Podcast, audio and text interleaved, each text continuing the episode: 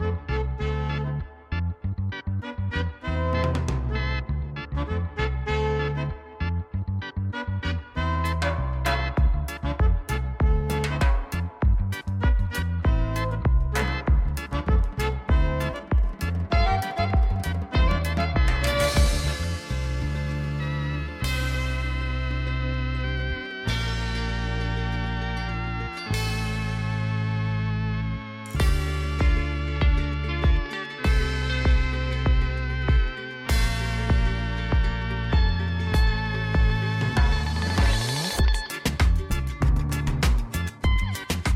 Ja, het zijn vreemde rituelen. Het is typisch een, een Germaans gebeuren om lawaai te maken, veel eten en drinken. En dat lawaai was altijd bedoeld om de boze geesten weg te jagen, maar die laten zich niet wegjagen op zo'n manier. Dat is allemaal waar.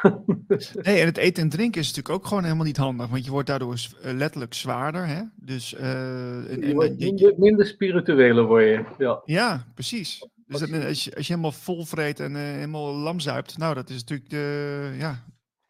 Nou ja, dat, kijk, wij hebben de keuze. En ik ben niet voor het ene en nog niet voor het ander, maar als je werkelijk, zeg maar, meer spirituele ervaringen wil hebben, dan is, zeg maar, matigheid is een, een voorwaarde. Dat kom je in alle tradities tegen. Dat wil niet zeggen dat je, ja.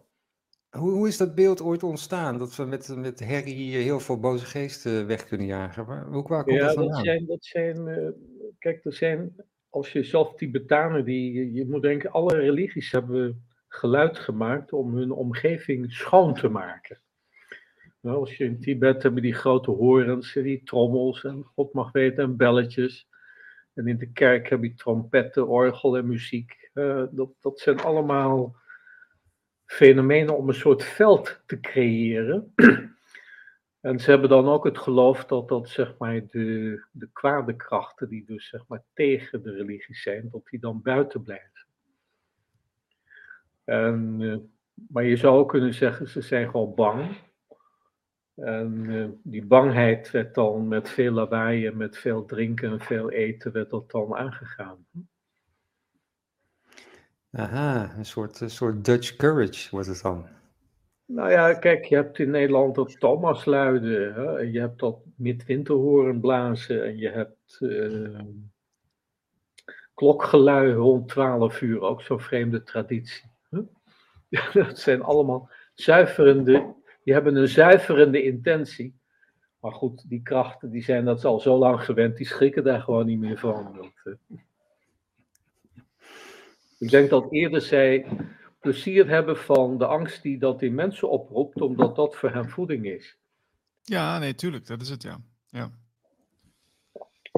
ja dus uh, in de Keltische tijd was er wel een fenomeen, dus, daar wees mijn vriend op. Dick de Koer die zei, uh, daar had je een dag buiten de tijd en daar was stilte het fenomeen. Nou, dus je hebt die, die extraverte beweging naar buiten en je hebt die introverte beweging. En ik neig dan zelf eerder naar die introverte beweging. Ja. ja omdat het natuurlijk wel een, een, tijdfenomeen is dat het oude jaar sterft en het nieuwe jaar begint. Hè? Het is een overgang. Ja, en dat, ik, ik, ik had laatst ook een, uh, een presentatie heb ik bijgewoond van Peter Tonen. En die vertelde dan over, um, ja, over het aantal uh, maanden in het jaar die we dus uh, nu hebben. We hebben nu twaalf maanden. Ja. In, in, in, eerdere tijden was het ook weer anders. En hoe, en waar dat dan op gebaseerd is. Dus, dat, ja, dat is natuurlijk ook wel een heel interessant fenomeen. Hè? Hoe, hoe we dat zo hebben gevormd. Ja, je moet denken, elke, elke heersende cultuur. En wij zitten nog een beetje in de naweeën van de Romeinse Rijk, uh, heeft zijn eigen tijdordening, zijn eigen feesten, zijn eigen dagindeling van de weken. We hebben een zevendeling. Uh, ja, dit, dit duurt al meer dan 2000 jaar zo, maar er komt natuurlijk een tijd dat dat weer gaat veranderen. Uh, Hitler heeft het wel geprobeerd, de Fransen ook. Hè, die hebben geprobeerd geloof ik een tijdssysteem van 10 uur te introduceren. Hm? Oh, is dat zo? Dat wist ik niet. Ja, ja maar de 12-urige tijd, de 12-urige indeling komt uit het Babylonische Rijk. Ja, daar, komt, daar komt dat vandaan. Die werkte met getal 12. Hè? Ja. En ik, weet niet hoe, ik weet niet als we zeg maar tot het Russische Rijk gaan behoren, wat, wat ze dan doen. Ze willen altijd de kl- klok, letterlijk, de klok helemaal omdraaien. Hè? Ja. Ja, dat, om, om betekenis te geven aan, eh, aan tijd en ruimte. Ja, maar het is natuurlijk nog, nog steeds de duale wereld hè, waar, het over, waar we het over hebben. Want daar bestaat de tijd zoals we die kennen. Ja. ehm, maar goed, dat is ook een realiteit die er natuurlijk mag zijn, waar wij gewoon in zitten. En andere werelden eh, hebben inderdaad een andere tijdas. Ja, misschien helemaal geen tijd. Nee. Moeten we niet van de klok af gewoon? Dat we gewoon dat niet meer, niet meer eh, mee bezig zijn? Ja, wij zijn natuurlijk erg, geprogrammeerd geraakt door de, de traditie die het katholicisme heeft gebracht. Die heeft de tijd natuurlijk in, in de westerse wereld gebracht. Eh, in de kloosters had je een geweldig strak tijdregime. Had je klokken die om het kwartier, hier nog, hè, de klok in, in, ik zit in Beieren. Elk kwartier slaat de klok, de eerste kwartier één slag, tweede kwartier twee, derde drie en vier. Vier slagen en dan komt het aantal uren. Nou, je wordt dan heel erg natuurlijk in een concrete tijd gebracht. Je hebt natuurlijk een, persoonlijke tijd, dat is natuurlijk ook zo. Je hebt een, een zonnetijd, je hebt een maantijd, je hebt een kosmische tijd, misschien een spirituele. Er zijn natuurlijk verschillende tijdfenomenen. hè. Ja. Maar dit is de, de uiterlijke tijd. Die heeft de kerk natuurlijk ongelooflijk, die, die, die, die tijd, dat tijdfenomeen, dat bewustzijn dat het nu en nu gaat de klok, het is 12 uur. En dan luidt die extra om, ja, waarom? Ik vraag wel eens aan de dominee, waarom luidt die klok nou eigenlijk? Hè? Dat, niemand weet dat meer. Hè? Nou ja, ik, ik, ben, was, vorig jaar was ik in Brugge en toen heb ik een rondleiding gehad op een, een van die grote torens Ja. daar staan. En daarin werd verteld van, ehm, ja, er werd ook elke kwartier werd, het, eh, werd, werd, werd, eh, werd de klok eh, geluid als het ware. En dat was, in vroegere tijden was het heel gebruikelijk om mensen te aan herinneren hoe laat het was. Hè? Dat, ze, dat, ze, dat, dat die dagstructuur echt goed stond. Zodat, zodat mensen eigenlijk beheerst werden door die, door die klok. Die, was, die Ja. stond centraal. Nou ja, het is een programmering natuurlijk. Het is een soort Pavlov-effect. Als de klok gaat, dan ga je dat doen. Om 12 uur gingen de mensen allemaal eten. Ik Ja. herken dat nog, zelf in de protestantentijd. In de Albertse Waard hadden wij klokslag 12 uur. Ja, ja, je zegt het zelfs ook, hè? klokslag. Klokslag, ja. Het ochtends Precies. was variabel, maar 12 uur was een heilig moment. Hè? Zullen we zo beginnen, Marlijn? We zijn al begonnen. Oh, we zijn al begonnen? Oh, ik dacht ik wil je nog even een officiële opening doen. Trouwens, even eh, vo- vo- voordat we dan verder gaan, eh, over de tijd gesproken. Ik moet wel eh, echt over twee uur wel stoppen. Dus, eh, want ik heb hier de boel verstopt met de douche. Dus eh, dat wordt leuk met een, eh, een mannetje die komt even langs om de boel schoon te maken hier in, het, eh, in dit pand. Dus dan weet je dat. Dus dan mag ik alleen voor de donateurs nog doen dan. Dan ben jij weg. Nou, die vijf minuten, dat lukt nog wel. Maar er wordt niet heel veel, heel veel later vandaag. dus bij deze. Eh, nou, eh, laten we beginnen. Lunsingen van Dobben, we zijn er weer bij. Het is eh, iets na, na vijf minuten dat we zijn begonnen. De eerste editie van het jaar 2023. Met vandaag Dick van den Dol. Dick, welkom in de show. Dank je. Ja, Dick, we kennen jou, of tenminste de meeste mensen kennen jou van gaologie.nl, jouw website. Daar zet je heel veel interessante artikelen op. En zo ben je ons ook bij ons op het spoor gekomen. Want we dachten van ja, met Dick willen we een keer in gesprek. En eh, ja, ik, ik heb natuurlijk een heleboel dingen voorbereid vandaag. Eh, want ik wil graag met jou in gesprek ook over eh zeemeerminnen, mensen, zeemeerminnen. Lijkt me heel leuk. Eh, maar ik wil eerst eens van jou weten van hoe, hoe ben jij met geologie begonnen? Ehm, ik ben eigenlijk, ik heb het geluk gehad dat ik, zeg maar begin dertig jaren, een burn-out had. We noemen dat tegenwoordig een wake-up call. En toen moest ik uit mijn oude leven loslaten. En toen wist ik niet welke richting. En dat was ook de tijd, dan praten we over eind tachtige jaren. Dat de New Age een beetje opkwam. En ik heb een nieuwsgierige aard. Dus ik heb, eh, dat was de tijd vooral ook in Amsterdam. ehm, dat zeg maar, mensen uit de hele wereld kwamen met de meest vreemde wereldbeschouwingen, of voor ons vreemd. En ik heb daar behoorlijk in meegedronken. En op een zeker moment uh, was er een Engelse uh, boomshamaan, Dusty Miller, die was in Nederland voor het eerst en ik was daar. er was een groep van 20, 30 mensen. En er zat een man in die groep, en die pakte mij bij mijn kraag en die zei, Dick, ga daar eens op die plek staan. Ja, gewoon in het bos. En toen zei hij na vijf minuten, ga nu eens op die plek zijn. En toen vroeg hij, wat, wat heb je nou ervaren? En, ehm, dat was eigenlijk het eh, begin van een contact met, uh, met iemand die heb ik 30 jaar, is een paar jaar geleden overleden. Die heeft me 30 jaar eigenlijk gewezen op, op, uh, ja, op, op subtiele fenomenen in de natuur in het Westen, om het een naam te geven, we noemen dat geomancie, maar gewoon noem dat gewoon maar dat je uh, ja, buiten de fysieke werkelijkheid waarnemingen doet. En ik moest dat op een zeker moment een naam geven, omdat ik daar, uh, uh, ja, je moest toch een stempel hebben. En toen dacht ik, oké, ik ga dat geologie noemen. Dus dat was een naam die in ieder geval niet bestond. En sindsdien is die naam eigenlijk in, uh, in de publiciteit gekomen. Oké.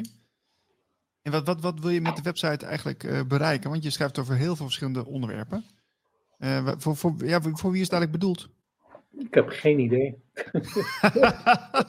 Kijk, ik, ik, ik, ik, heb geen, geen, het is geen marketing gebeuren, dus ik, ik zit niet verlegen om, om of zo, maar het is een soort informatiemedium, zou het zo noemen. Um, uh, dat het dus naast uh, allerlei spirituele ontwikkelingen ook, of de spirituele waarneming ook heel veel waar te nemen is in de natuur. We kennen natuurlijk het fenomeen mens met al zijn subtiliteit, maar ook in de natuur heb je heel veel subtiele fenomenen. En dat is een beetje mijn, mijn specialiteit. En welke, kun je eens een voorbeeld geven van een subtiel fenomeen? Nou ja, we hadden het in het voorgesprek al over, over, over uh, wat we noemen elementale wezens. Elementaal, met de elementen verbonden, dus in de subtiliteit. En in het water kennen wij natuurlijk de waterwezens, zoals de zeemeermensen.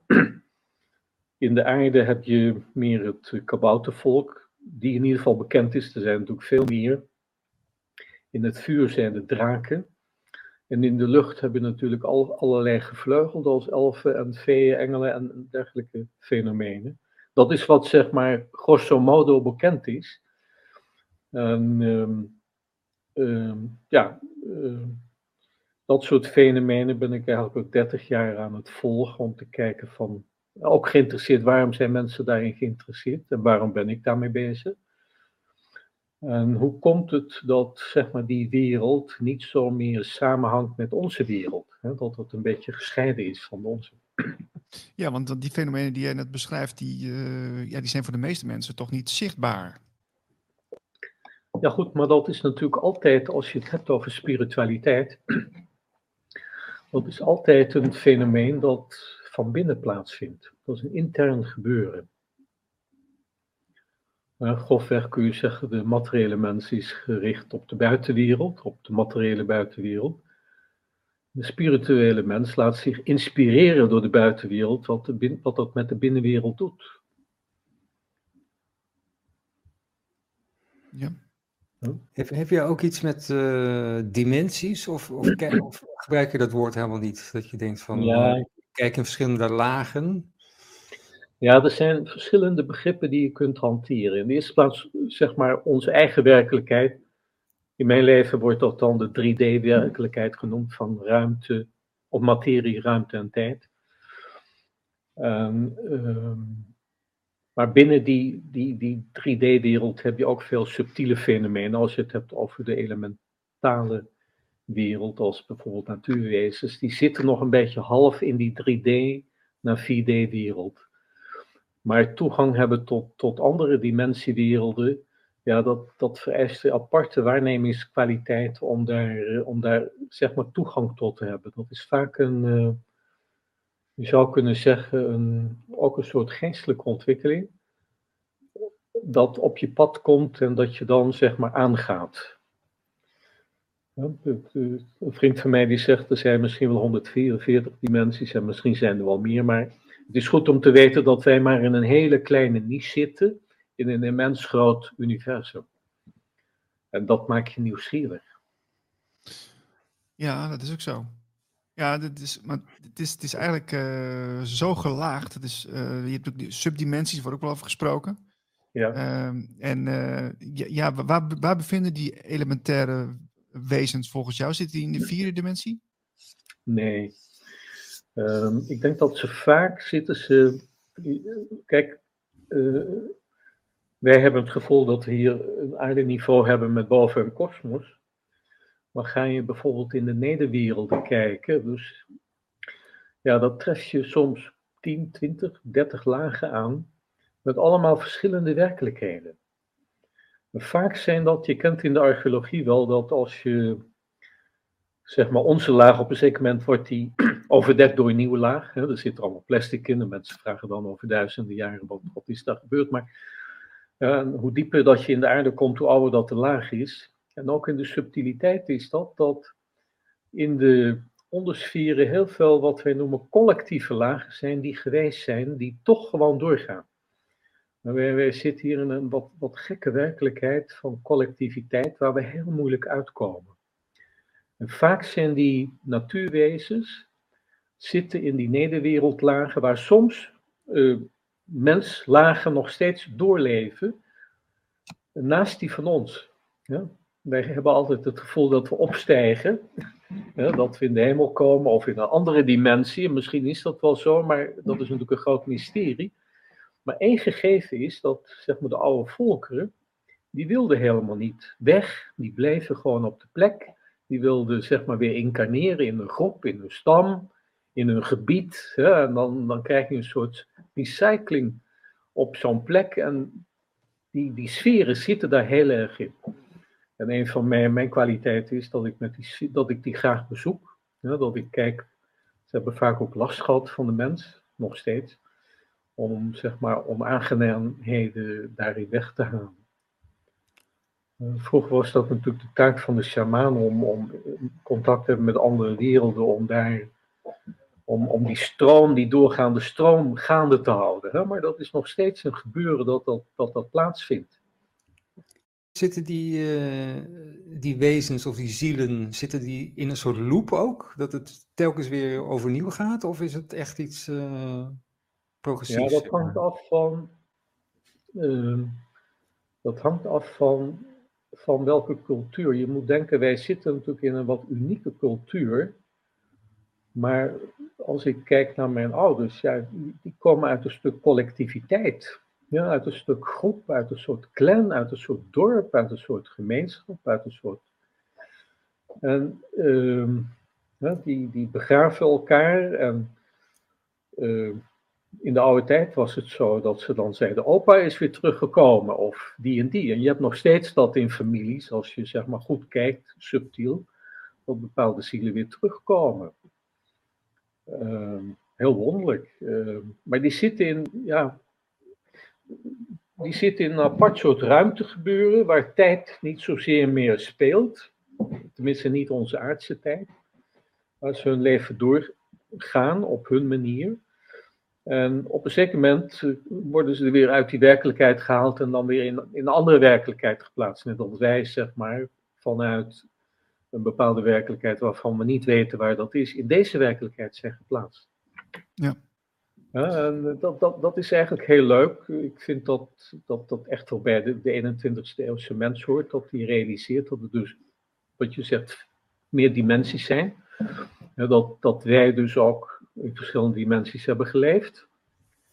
En als je met dimensies contact hebt als ik, dan herkennen ze je nog omdat ze herinnering hebben en dergelijke over je, vorige bestaansvormen. En, uh, ja, en et cetera. Dus die, die, die interactiviteit tussen dimensies, dat is een heel interessant fenomeen. We hebben dat een beetje verloren, maar de middeleeuwse mens had dat nog van nature.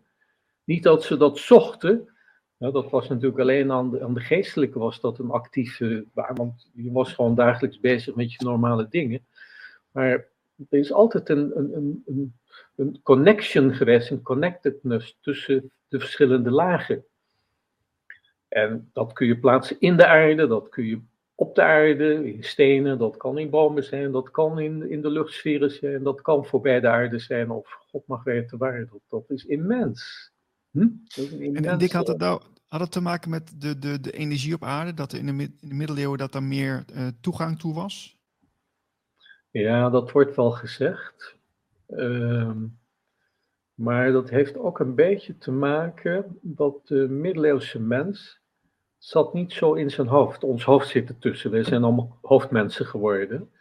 Dus die hadden een, je zou kunnen zeggen, een wat betrouwbare toegang via hun gevoel en emotie met een andere wereld. Iets wat wij natuurlijk helemaal verloren zijn. Als bij ons een gevoel of een emotie komt, wordt dat vaak gekoppeld aan dat het dat iets met jou is. Terwijl het ook een, waar, zeg maar een impuls kan zijn uit een andere dimensie om jou eens duidelijk te maken. En die, die duiding van, zeg maar, impulsen hè, die in ons bewustzijn komen, ja, dat heeft natuurlijk iedereen, dat, elke tijd heeft daar zijn eigen taal voor. En ja, ik ben daar natuurlijk in gespecialiseerd om die taal goed te leren, omdat ik daar meer dan 30, 40 jaar ervaring in heb. Ik ga, ik ga even naar iets uh, wat jij uh, hebt opgeschreven, al een tijdje geleden, maar dat vond ik een fantastisch verhaal. Um, dat is uh, de zielenhemel illusie. Ja, ja, interessant, ja, ja. En dat is een beetje, ja, een beetje associatief ook opgeschreven, waardoor het nog geheimzinniger wordt. Dus het is heel mooi. Ja. Aan de, aan de oostzijde van een wierdewal in de Groningse Koningslaagte, in het lage deel, zit in de ondergrond een zielenrijk. Daar ben je, daar ben je dus toen geweest, heb je ingekeken. Gemeenschappen. Uh, en is goed afgesloten. Ik traceer in eerste instantie 10.000 zielen, dat zeer veel lijkt verzameld in een hele lange periode van voor de laatste ijstijd tot recent in de middeleeuwen. Um, de godheid die zegt of is, is een reservoir waar we uit kunnen putten, selecteren wat nodig is, inzetbaar. Mens mag daar niet inbreken. Noem het een zielenhemel. Ja. Als ik een kijkje wil nemen in dat zielenrijk, wordt gevraagd door een poortwachter. Wat kom je doen? en ik mag er niet in. Realiseer me dat de Hunze ook een zielenrivier was, die de doden naar zee bracht, het noorden. Hier oude loop, deels zichtbaar en is vochtig en nog een reservoir. Een dode arm. Dat zijn denk ik allemaal beelden die je dan uh, doorkrijgt. Ik krijg door, ze zitten hier al heel lang. Laat ze zitten. Ik zie dat daar opgesloten zielen zitten en geen ontwikkeling is. Laat het maar aan ons over. Krijg de indruk dat dit depot in christelijke tijd is afgesloten. Vast in christelijke tijd op vast aardepunt. In elk geval uit een tijd met een ander geloofssysteem in bewegelijk water. Dat nu is afgesloten. Ja. Kan eraf. En dan tussen haakjes duidelijk is dat de tegenkrachten alles in het werk stelden om me te laten geloven dat het goed is dat ze hier vastzitten, die 10.000 zielen. Klopt, ja.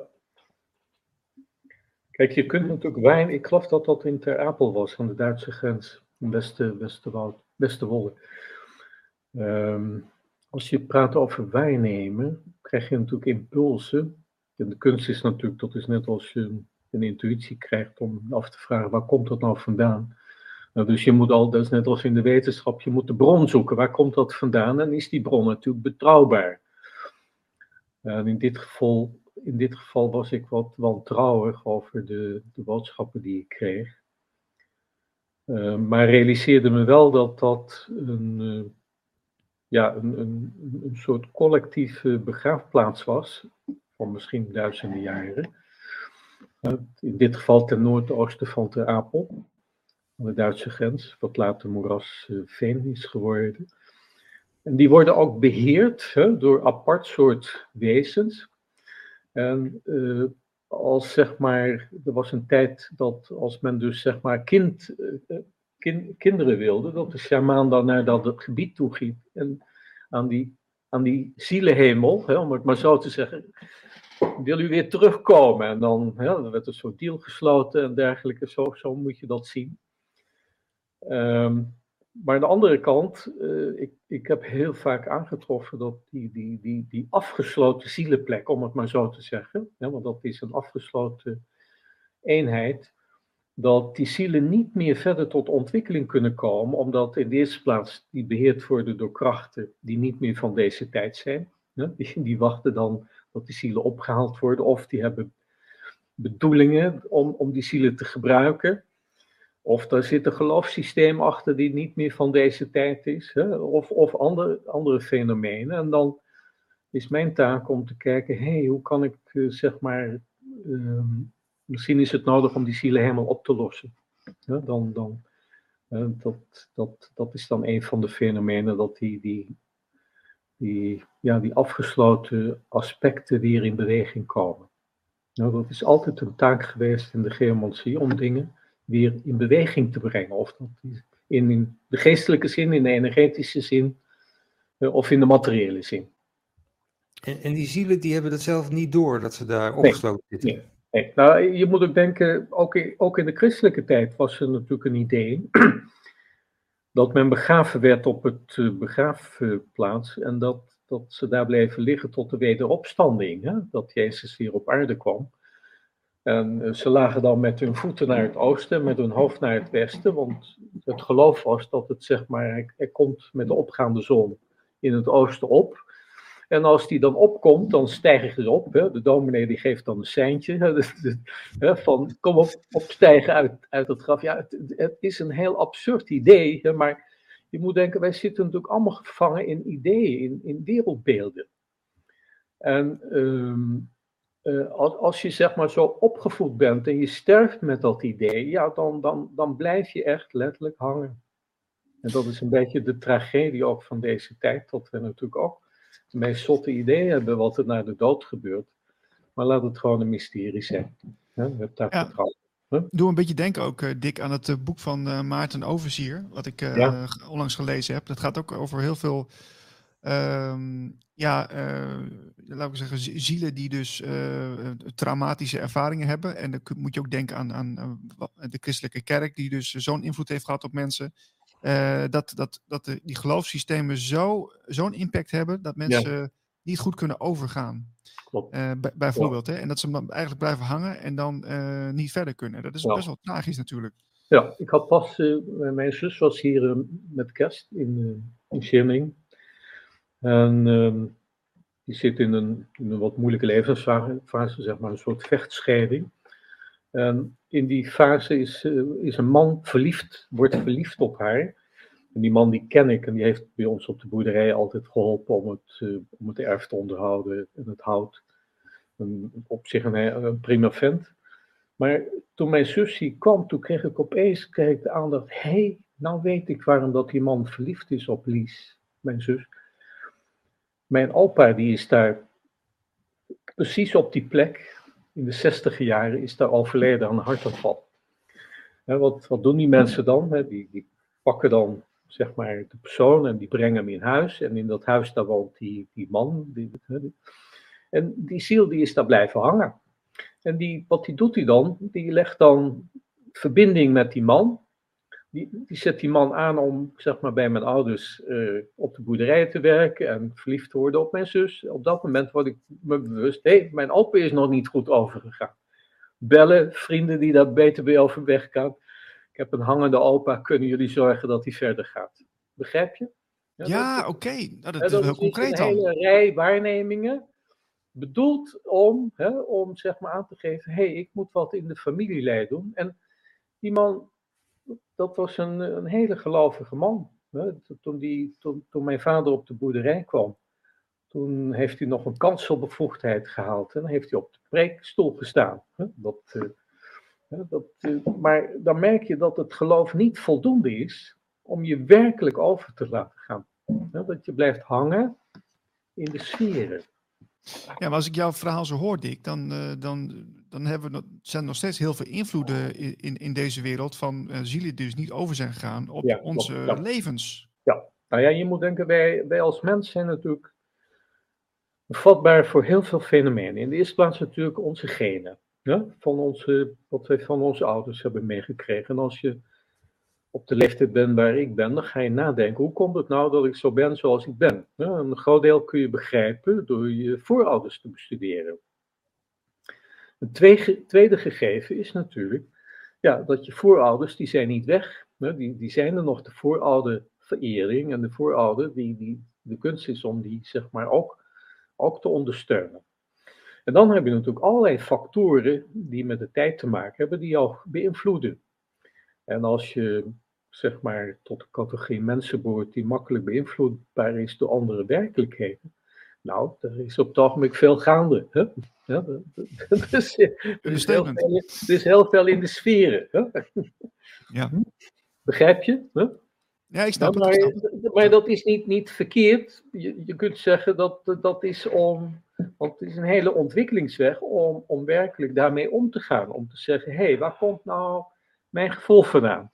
Waar komt nou mijn emotie vandaan? Waar komt nou opeens die gedachte vandaan? En waar komt dat gedrag nou vandaan? Ja, hm? maar, als ik, maar dat, dus wat je nu gedaan hebt eigenlijk, Dick, is dat je, hebt die, dus die, je wilt dus je vader goed helpen om over te gaan, zodat die man niet meer vliegt. Mijn overgrootvader, ja, mijn overgrootvader.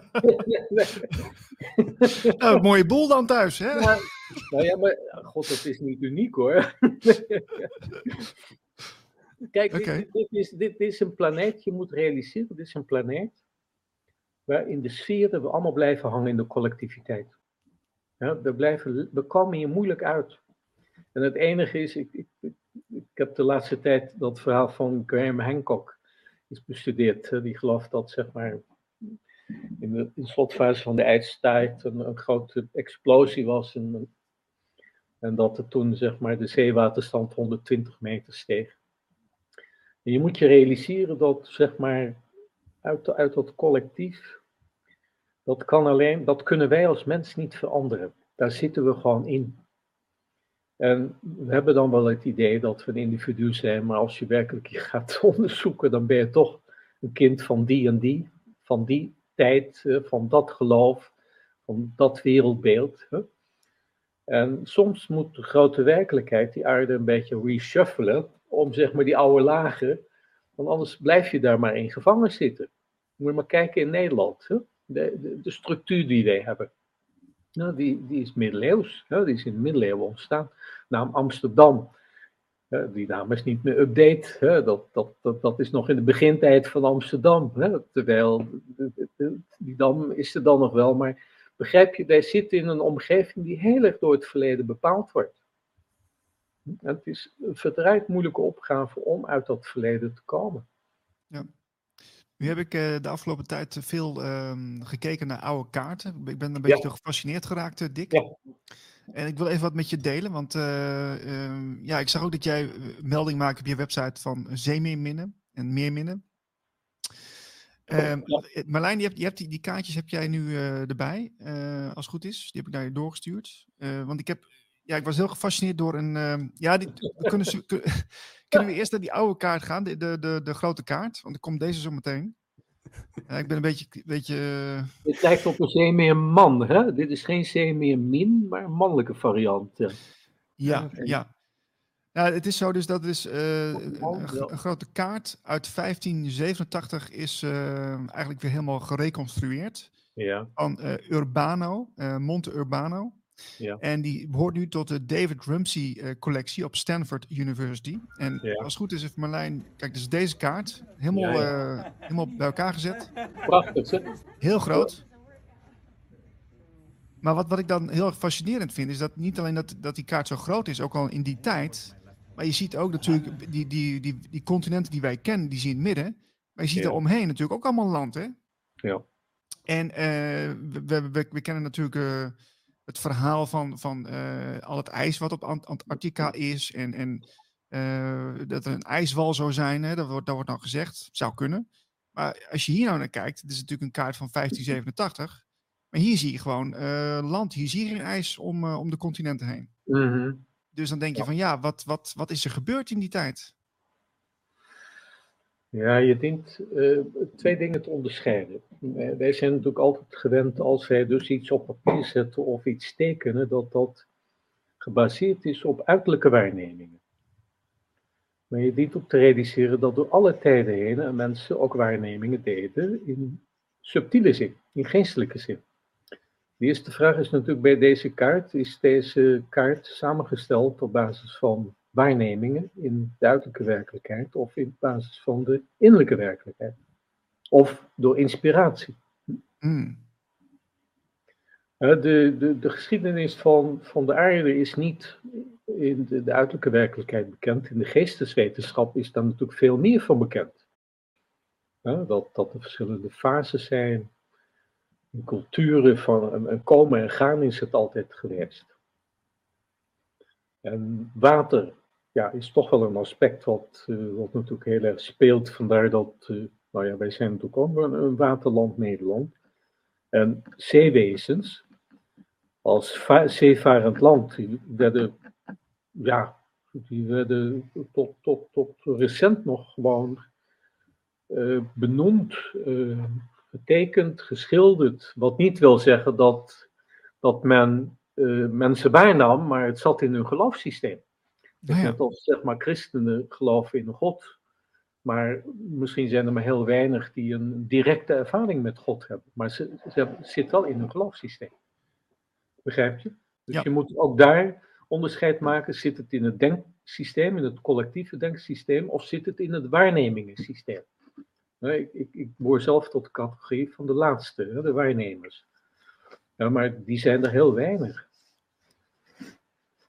Laat staan dat ze er openlijk over praten. Ja, dat is, dat is ook zo. Dat is nu een stap verder. Dat is een stap uh, verder, ja. Ja, ik snap je. En, uh, ik heb dus een, eh, een, een, aantal screenshots gemaakt van deze kaart. En ja. omdat ik dus ook wel een beetje gefascineerd was over die, dat semi-minder verhaal. En ja. kun, kun, je even een paar laten zien, Marlijn, die ik heb doorgestuurd? Kijk, dan zie je het midden, zie je dus twee daaronder en eentje daarboven. Ja. Maar jij, hebt er dus ook over geschreven op jouw site. Hè? En heb, heb je dus ook letterlijk uh, dit soort wezens gezien? Ja, voor mij is het niet zo moeilijk om dit soort wezens uh, te contacten. Om ze te zien, om ermee te praten en om er mee uit te wisselen. Um, uh, maar je dient te realiseren, dit zijn wezens, je ziet het wel, ze zijn half mens, half vis. Hè? Wij noemen dat tussenwezens. Hè? Je moet denken, in de, vele realiteiten zijn er een aantal werelden die door de grote realiteit uh, de bestemming hebben gekregen om contact te hebben met een bepaalde wereld, in dit geval met de mensenwereld. Dus een soort overgang tussen de zeewereld, de vissenwereld en de mensenwereld. En uh, de zeemeer mensen behoren daartoe. Je ziet dat in, langs de hele kust van, van Nederland, zie je dat in de, de, de oude wapens van waterschappen en gemeenten. Of in kerkvaantjes. Ja, dat, ja, maar daar is dus een, geweldige verbinding. En dan zie je soms ook dat uh, bij, bij havenplaatsen, dat die wezens ook een beschermende invloed hebben gehad. Uh, tussen de zeewereld en de mensenwereld in, in de stad. Ja, dat er een soort, ja, een soort dealen gesloten werden. Van hey, als er gevaar komt, dan waarschuw je ons. En als tegenprestatie willen wij dat en dat. Hm? Ah. Ja, maar dat was natuurlijk altijd maar een hele kleine categorie die daar uh, bewust contact mee had. Als dat eenmaal in het geloofssysteem zit, ja, dan gaat dat een eigen leven leiden. Dat, ja, want jij, jij, spreekt ja, jij spreekt ook over vrouwelijke sirenen, hè? Daar is het woord sirene ook van afgeleid. Ja, ja. Nou ja, dat, uh, we kennen die, die verhalen natuurlijk uit de Griekse mythologie. Die, die, die vrouwelijke wezens konden zo verleidelijk zijn dat, uh, uh, ja, dat, dat je werkelijk moest vastbinden aan de stam van, van het schip om niet zeg maar meegesleurd te worden met hun gezang. Ja, maar je zou kunnen zeggen, de toenmalige mens was een gevoelsmens. En als die gevoelsbeweging er kwam en als die zo sterk is, net als verliefdheid, ja, dan moet je behoorlijk sterke ik-kracht hebben om te zeggen: nee, ik ga niet mee. Ik ken zelf ervaring in de Ierse Zee ook wel, dat die sirenen, die kunnen heel verleidelijk zijn. Die kunnen je heel makkelijk uit jezelf trekken, om het maar zo te zeggen. Is het een soort, soort zang wat je dan hoort? Of, uh... Ja, de, de waarneming is natuurlijk altijd persoonlijk, maar je kunt zeggen er is een, trekkracht. En zang is maar een vertaling van een energie. Um, maar je kunt ook helemaal bezet raken door, door dat soort wezens. Ik weet al, ik heb ooit een keer in Ierland, ik, ik heb jaren reizen georganiseerd, spirituele reizen naar Engeland en Ierland. En ik was een keer aan de Atlantische Oceaan, kampeerden we aan een strand en er was een, nare storm. Midden in de nacht werd ik wakker. En ik merkte dat ik belaagd werd door ongelooflijk veel krachten. En die wilde me eigenlijk uit mijn lichaam halen. En dat wilde ik niet. En het enige wat ik op dat moment kon doen, om zeg maar mijn naam te noemen, ik ben. Ik ben, ik ben. En dat heeft mij eigenlijk in mijn lijf gehouden. Maar die wilde me dus letterlijk uit mijn lijf trekken. En daar had ik dus helemaal geen zin in. Ja, want dit, dit is mijn, mijn huis. Ja? Mijn lichaam is mijn huis. Daar hoor ik in. Daar hoeft niks anders in te zitten. Ja, dus dat, dat kunnen uh, bepaalde wezens, die kunnen inderdaad indringen in je huis. En die kunnen dingen aanzetten. En die kunnen je ook verdrijven. Hè? Dat, dat hangt af als je, of je goed bezit hebt genomen van je eigen lichaam. Bij waterwezens was dat altijd, omdat mensen natuurlijk nog in de emotie en in de gevoelsfase zitten. En als je dan op zee bent, ja, dan kan dat behoorlijk bedreigend overkomen. En die bedreiging werd dan eerder, uh, ja, dan, dan werd zeg maar een, vriendschapsteken op, op, de, op de kop van het schip, een zeemermin, uh, uitgesneden. Of er werd misschien wat cadeau gegeven, maar ja, men, men, men, men, men voelde dat, maar men was er bang voor. Hm? Terwijl, ja, er is weinig waarvoor ik bang ben, moet ik zeggen hoor. Dat, nee. Ja. Ja, je, je, ziet natuurlijk ook, uh, ja, dit, dit, is het volgende plaatje. Uh, ja. heb je, dit, heb je, dit is een ander plaatje, die ken ik niet. Even kijken, hier zie je meer landwezens, hè? Ja. Met een, uh, met een staart. En je ziet een eenhoorn, die daar kennen wij in Nederland ook heel veel voorbeelden van, vooral in Friesland. Hè? Ja, ja, van die mythische wezens zijn het eigenlijk. Hè? En ik, uh, ja, maar die zijn er nog steeds. Hè? Die zijn niet weg overigens. Die, die, die, die zijn nog steeds in de sferen actief en die, die, die zijn nog steeds te contacten. Ja. Deze vond ik heel grappig, want uh, dit is bij Afrika. Ja, dat is gewoon een vogel die een olifant optilt. Helemaal dat is een hele immens grote vogel, hè? Ja. Wow, ja, nu zie ik het ook, ja. Ja, maar je moet denken, in die, in die subtiliteit, wij zijn natuurlijk, als, als je in, in, de materiële werkelijkheid, ik weet niet hoeveel plantensoorten er zijn, miljoenen, en dieren en insecten, het gaat over miljoenen. Uh, maar in de subtiliteit, dat gaat misschien over miljarden, dat, dat weten we niet. Dat is een immense, immense verscheidenheid. Ja, gaaf. Oké, en, en, en wat, wat is er in Nederland volgens jou dan nog uh, aanwezig in, die sfeer?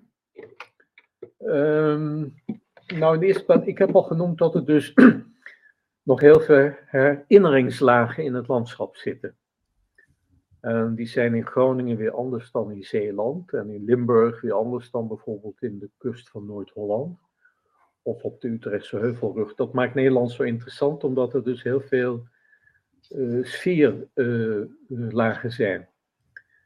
Um, daar is Nederland dus uniek dat wij op een kleine oppervlakte heel veel herinneringslagen hebben. Omdat verschillende culturen bij elkaar komen. Ja, specifiek Nederland is het water natuurlijk. Ik weet al, in mijn jeugd uh, werden wij bang gemaakt met met de waterwezen. Ik weet niet hoe die heette.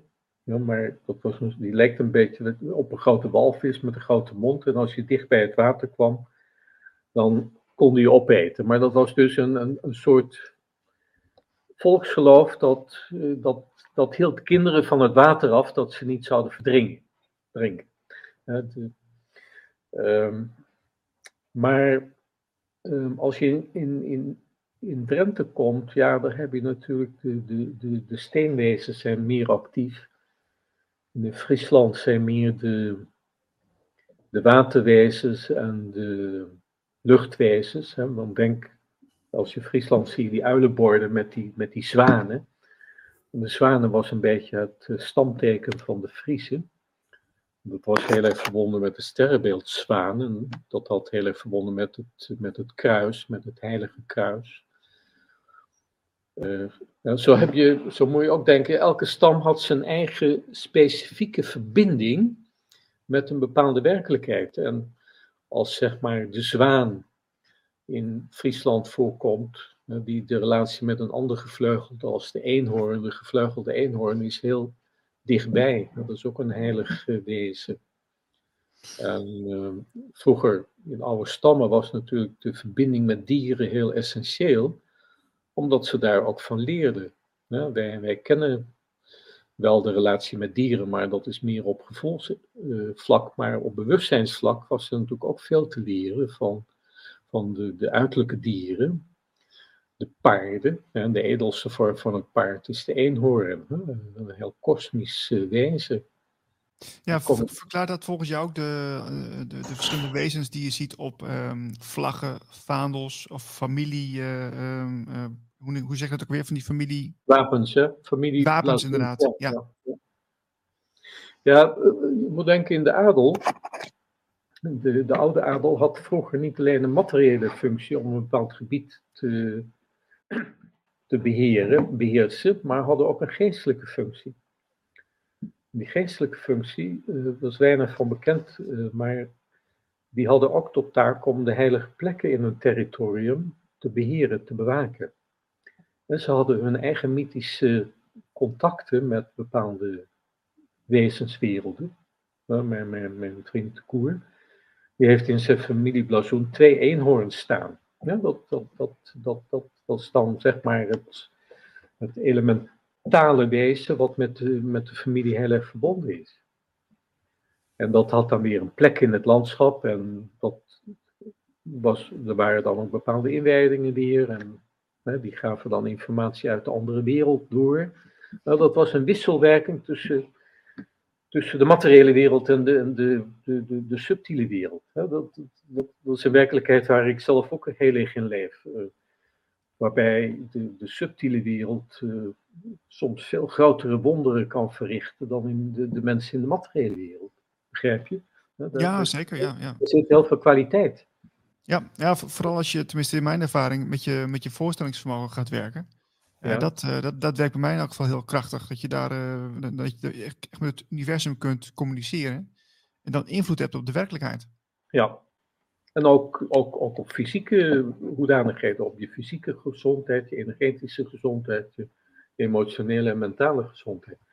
Kijk, wat wij inspiratie noemen, wij denken dat de inspiratie altijd van ons komt. Maar goed, wij zijn maar een heel kleine schakel in een immens universum. Wij zijn wel de handen en voeten in deze materialiteit, maar onze inspiraties komen altijd ergens anders vandaan.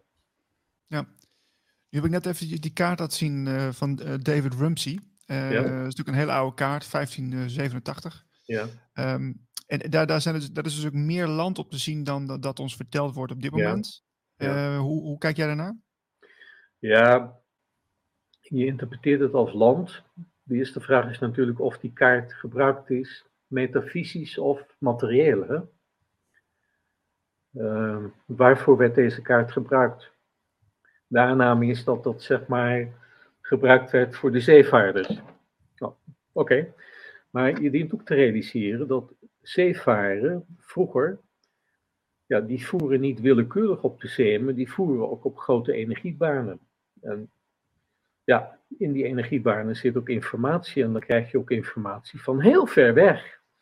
En als een gevoelige zeeman dat waarneemt en dat opschrijft, dan dat deelt dan iemand die kaarten maakt, begrijp je? Ja, mm de, dat, dat hoeft dus niet uh, materieel waargenomen informatie te zijn, dat kan visionair waargenomen zijn, dat kan ook ervarings uh, weten zijn van de zeevaarders. Hè, want de, de, de zeevaardersculturen waren de oudste culturen op aarde. Dat, dan, dan kon je grote afstanden afleggen. Ja, de, de kaart is uh, samengesteld, dus hij is niet zo gemaakt. Hij is in 60, het waren 60 verschillende delen, hebben ze digitaal bij elkaar gezet. Mm -hmm. En daar is die, deze kaart uit, uh, uit ontstaan, zeg maar. Ja. Ja, maar weet, kijk, op zich is het niet nieuw dat natuurlijk de aarde een geologische geschiedenis heeft gehad. En zoals ik al aangeef, als iemand ingetuned is op een bepaalde tijdlaag in, de, in, in, in het collectief hè, van de aarde, kan dit de fase zijn in een bepaalde tijd, zoals de aarde er aan de oppervlakte heeft uitgezien. maar als je werkelijk een tijd af gaat maken, eh, ja, de geologen die, die, die, die, moeten die plaatjes maar eens volgen hoe die aarde in de loop van de tijd die toplaag veranderd is. Ja. Ja. Ja, wij, misschien maken wij weer een nieuwe verandering mee, hè, dat er weer een nieuwe laag komt. Nou, dat is altijd, altijd de vraag van wanneer dan gaat er weer een, uh, zeg maar een grote ommekeer plaatsvinden. Ja, ja precies. Ja. Jij uh, organiseert ook excursies en, en reizen, nou, ook naar specifieke plekken in Nederland uh, volgens mij. Um, is dat binnenkort ook weer? Ja, ik ga meestal maandelijks ehm, uh, ga ik, ik zit op het ogenblik heel erg in het noorden van het land, in Groningen en uh, Friesland, soms op de Veluwe. En dat zijn over het algemeen een hele kleine groep. Uh, je zou kunnen zeggen dat is ehm, op je eigen manier contact maken met die verschillende collectieve lagen. En dan zul je merken als je, ik heb natuurlijk heel veel ervaring van de afgelopen 30 jaar dat iedereen zo zijn eigen antenne heeft in de, in de subtiliteit. En dat maakt het interessant omdat je dan iets gaat leren over je eigen zielenontwikkeling. Dan kun je je voorstellen dat als iemand, ik, ik krijg natuurlijk regelmatig mensen die zeggen, ah, ik ga me nu bezighouden met altaren in kerken, over de plaatsing van altaren en dergelijke. En dan, dan denk ik, oké, Waarom wil die man of vrouw nu met altaren? Wat, wat heeft die in het verleden gedaan met altaren? Begrijp je? inderdaad. Is dan, dan, dan is de waarneming die, die mensen ook tijdens de dag krijgen, ehm, voor een deel bij mij gericht op: hé, hey, wat vertelt dat van jou? Ja. Want we kunnen niet bewijzen dat die, die waarnemingen kloppen. Hm? Wij, zitten natuurlijk ook maar in een, in, een, in een doos van Pandora of in een zwarte doos waar allerlei dingen hoog komen en we nemen die serieus. Maar een geestelijk iemand neemt dat niet serieus, die gaat het onderzoeken. Die zegt, hé, hey, waarom, waarom, waar komt die waarneming nou vandaan? Hm? En laat dat, nou, laat dat uh, communiceren. Hè? Ja? Hm? Nou Dick, dan, uh, dan uh, moeten we even jou ook onder het vergrootglas leggen, denk ik. Want, Absoluut, ja. dit, op, jou, op, jouw site deel jij ook veel van die excursies en wat ja. je daar allemaal tegenkomt. En zoals, zoals deze ook, de godinlagen van de navelplek in het Vichtelgebergte. Ja, dat is een recente waarneming, klopt ja. Ja. En, dan, en dan zeg jij, kijk, eer, eerst zie je dan in de eerste laag, of in de, ja, in de hoogste laag, denk ik dan. Ik zie boven de grote godin de grote oude, de stille. En dan in de, de laag daaronder een klein centrum van de non-duale realiteit, de oerstilte. Ja. Daaronder is weer een laag, een, een hele grote boogvorm naar beneden van de heel stille, waar alles uit voorkomt. Die kende alleen de ingewijden. Die komt niet aan de oppervlakte, de oer-oer-stille. En daaronder heb je dan nog de diamanten godin. Ja. Uh, en er staat een soort, soort citaat bij. Het gebied heeft jullie geroepen, de grote stille werd ze genaamd. Maar wat, wat vertelt dit nou over, over jou dan? Ja, nou, ik ben. Uh, een van de vragen die ik in het leven altijd had: van hoe komt dat ik zo ben zoals ik ben? En dat is een, een beetje een zoektocht geweest in het leven. En ik ben een echte onderzoeker. En um, zeg maar 30, 35 jaar geleden toen kreeg ik opeens de ingeving, laat ik eens reïncarnatietherapie doen. Dus dat was, in Nederland waren we daar het beste in. Internationaal gezien, we hadden een hele goede tweejarige opleiding. En uh, ik was het al gauw zat, omdat het uh, eigenlijk vooral ging over ellende verwerken. Toen dacht ik, waarom kunnen we die techniek ook niet toepassen om al informatie boven water te halen? Dus ik heb veel mensen ook onderzocht. Maar op een zeker moment dacht ik, ja, wat, wat vertelt het nou voor mij? Waarom ga ik nou zeg maar naar dat Fichtelgebergte toe of naar die plekken in Ter Apel of naar Ierland en Engeland? En toen ontdekte ik dat ehm, in het contact met die collectieve lagen, dat ik eigenlijk steeds mijzelf tegenkwam. We noemen dat in deze tijd, in de uiterlijke werkelijkheid, noem je dat, hé, oké, dat is een vorig leven. maar dat, oké, dan, dan, dan ga je jezelf plaatsen in een soort tijdreeks op, op deze planeet.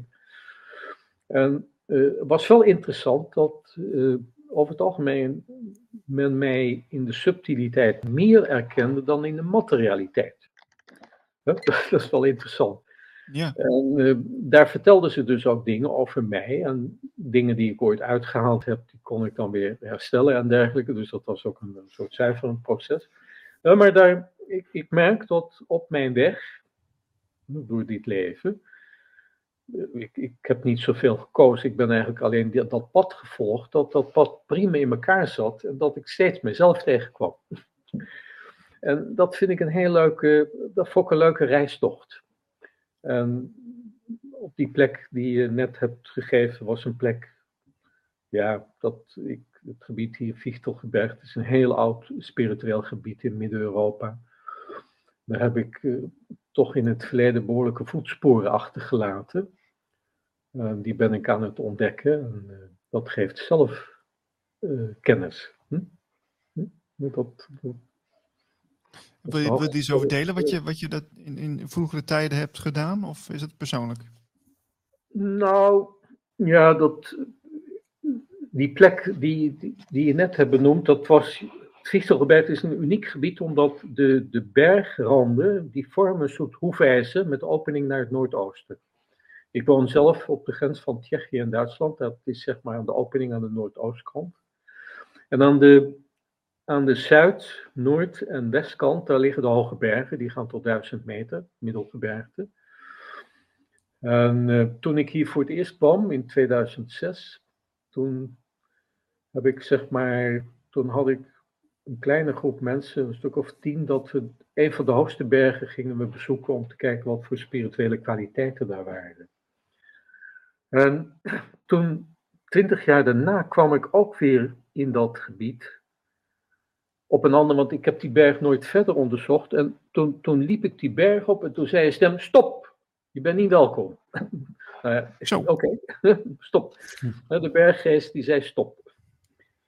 En toen, toen dacht ik, oké, wat is er gebeurd? Oké, nou, in het verleden heb ik dus daar dingen gedaan die de berg me nog steeds kwalijk neemt. En ik heb dus een hele tijd, zeg maar, dingen in de, in de sferen moeten rechtzetten dat was eigenlijk in de tijd van eh, Karel de Grote, toen hij met zijn uh, shamanen naar het oosten ging om de slaven, het Slavische ras te bestrijden. Je zit hier namelijk op de grens tussen het Germaanse territorium en het Slavische ras. In Tsjechië begint dat. Ja, ja. Karel de Grote die ging eigenlijk naar die hoofdbergen toe. Maar die had natuurlijk ook de opdracht om die oude culturen ongedaan te maken, met name de religie. En ik kom, kom dat natuurlijk tegen, hè, die, die, die vernietiging die destijds in gang gezet werd, uh, dat de sferen dat niet prettig vinden. En, uh, maar die sferen die herkennen jou dus nog steeds met jouw energie. Ja, ja. absoluut. Ja. Dat was, ik had een heel unieke ervaring. Het was in de winter, ik liep door het landschap en ik ging naar een prachtige rotspartij toe. En ik zag opeens een, een groot rijk krijgers, die stonden daar, Slavische krijgers. En die gingen stenen en spieren naar mij gooien. En ik dacht, oké, maar even afwachten.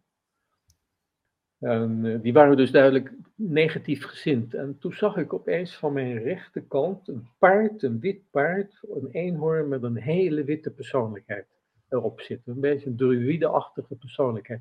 Die zei tegen die stad, stop. Die andere, dat volk, dat, dat knielde echt.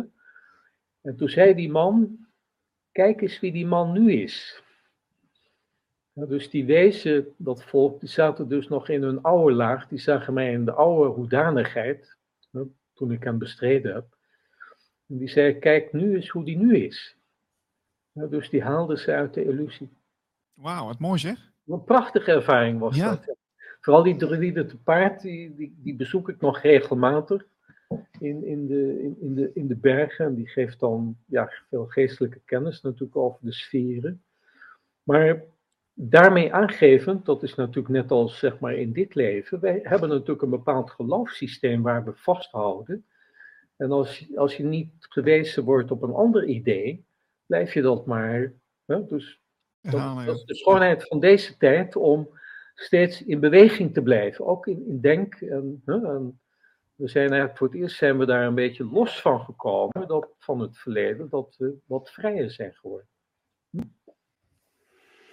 Ja, een tijdje, Ja. geleden hadden we jouw verhaal over dat klooster in Ter Apel. Er, er Ja. werd, er werd iets, eh, er werden werkzaamheden werden daar uitgevoerd.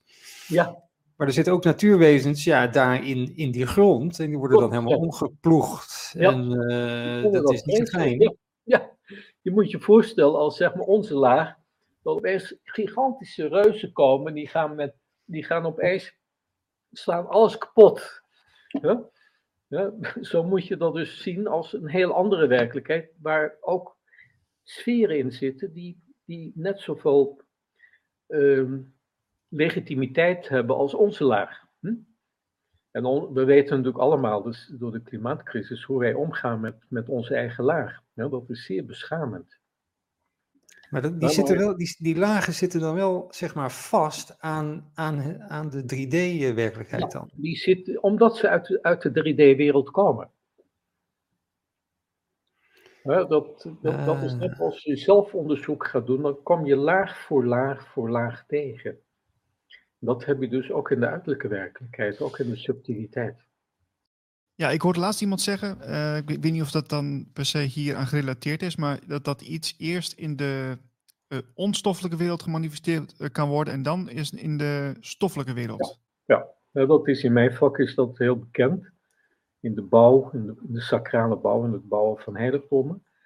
Dat de bouwmeester de inspiratie kreeg uit de geestelijke wereld. Die zag dus het bouwwerk en die, die gaf dat vorm. Ja, net als zeg maar de oude beeldhouwers een steen, zeg maar uit een steen iets bouwen. En dan zeiden ze, ja die vorm die zat er al in. Het enige wat ik hoefde te doen om dat eruit te halen. En in de, de bouw van kerken moest je die vorm dan gestalte geven. Dat, je kunt zeggen, die, die bouwmeesters waren dus gespecialiseerd, dat, daar was hun training op gericht, om waar te nemen wat ze mochten en konden bouwen. Niet vanuit het verstandelijk idee, maar vanuit de geestelijke wereld. Ja, ja, ja, ja. Natuurlijk, de, de, de, de, de, geestelijke mens gaat er altijd vanuit dat, dat wij een, zeg maar de inspiratie vanuit de non-dualiteit, vanuit het geheel komen via talrijke stadia. En wij kunnen dat vormgeven. We hebben dan wel een redelijke vrijheid om te zeggen of we dat, of we dat wel of niet doen. Hè? Maar al- als jij het niet doet, dan zegt de geest, oké, dan pakken we iemand anders om dat vorm te Ja. Ja, ander Als slachtoffer. het geen zin heeft, als hij als hij niet past in zijn plan, dan kiezen we een ander daarvoor. Hè? Dan kiezen we niet Poetin om zeg maar, eh, zeg maar dat volk te bestrijden, maar dan kiezen we een andere heerser. Hè? Zou het ook zo werken met, met, ehm, nou, met zie je dat als een soort golfbeweging van, van ideeën en, en, Absoluut. en, Ja, en- dat, dat, dat, dat zijn hele grote collectieve bewegingen waar wij, die door ons heen gaan. Ja, waar, waar wij natuurlijk ook in gevangen zitten. Ja, maar is het dan ook zo dat als je dus zelf eh, op een dag wakker wordt, s ochtends of zo, en dat je dan denkt van, oh, ik heb een fantastisch idee, en, en dat je dan toch niet durft, dat je het aan je voorbij laat gaan, dat het dan eigenlijk een gemiste kans is en dat iemand anders het dan op een of andere manier wel gaat Dat doen. kan, dat kan een gemiste kans zijn, ja. ja. Want Ja. Hebt, wij hebben alleen maar het hier en nu. Hè? Ja, Hm, We hebben natuurlijk ook, kijk, als we het over herinneringen, kijk, waar houden we ons meestal mee bezig als je met elkaar praat? Altijd over toen en daar. Er er zijn weinig gesprekken over hier en nu. Ja. Ja. dat is waar. Nou, nog, nog, nog, even, nog even over toen en daar. Nog Ja. even naar Ter Apel dan. Ja, ja, ja. Want daar- die schietlagen, ja, ja, ja. Want daar is, eh, daar is meer aan de gang daar in, die, eh, in dat Ter Apel. Ja, dat jij- is een hele bijzondere plek in Nederland. Uitermate bijzonder, ja. Jij kwam ook hiermee. Dat zit daar, dat zit daar in dat, bij dat klooster in de buurt ook. Ja. Dus een, een, we noemen dat eigenlijk een soort gezwel aan een boom. Dit is een eik, hè?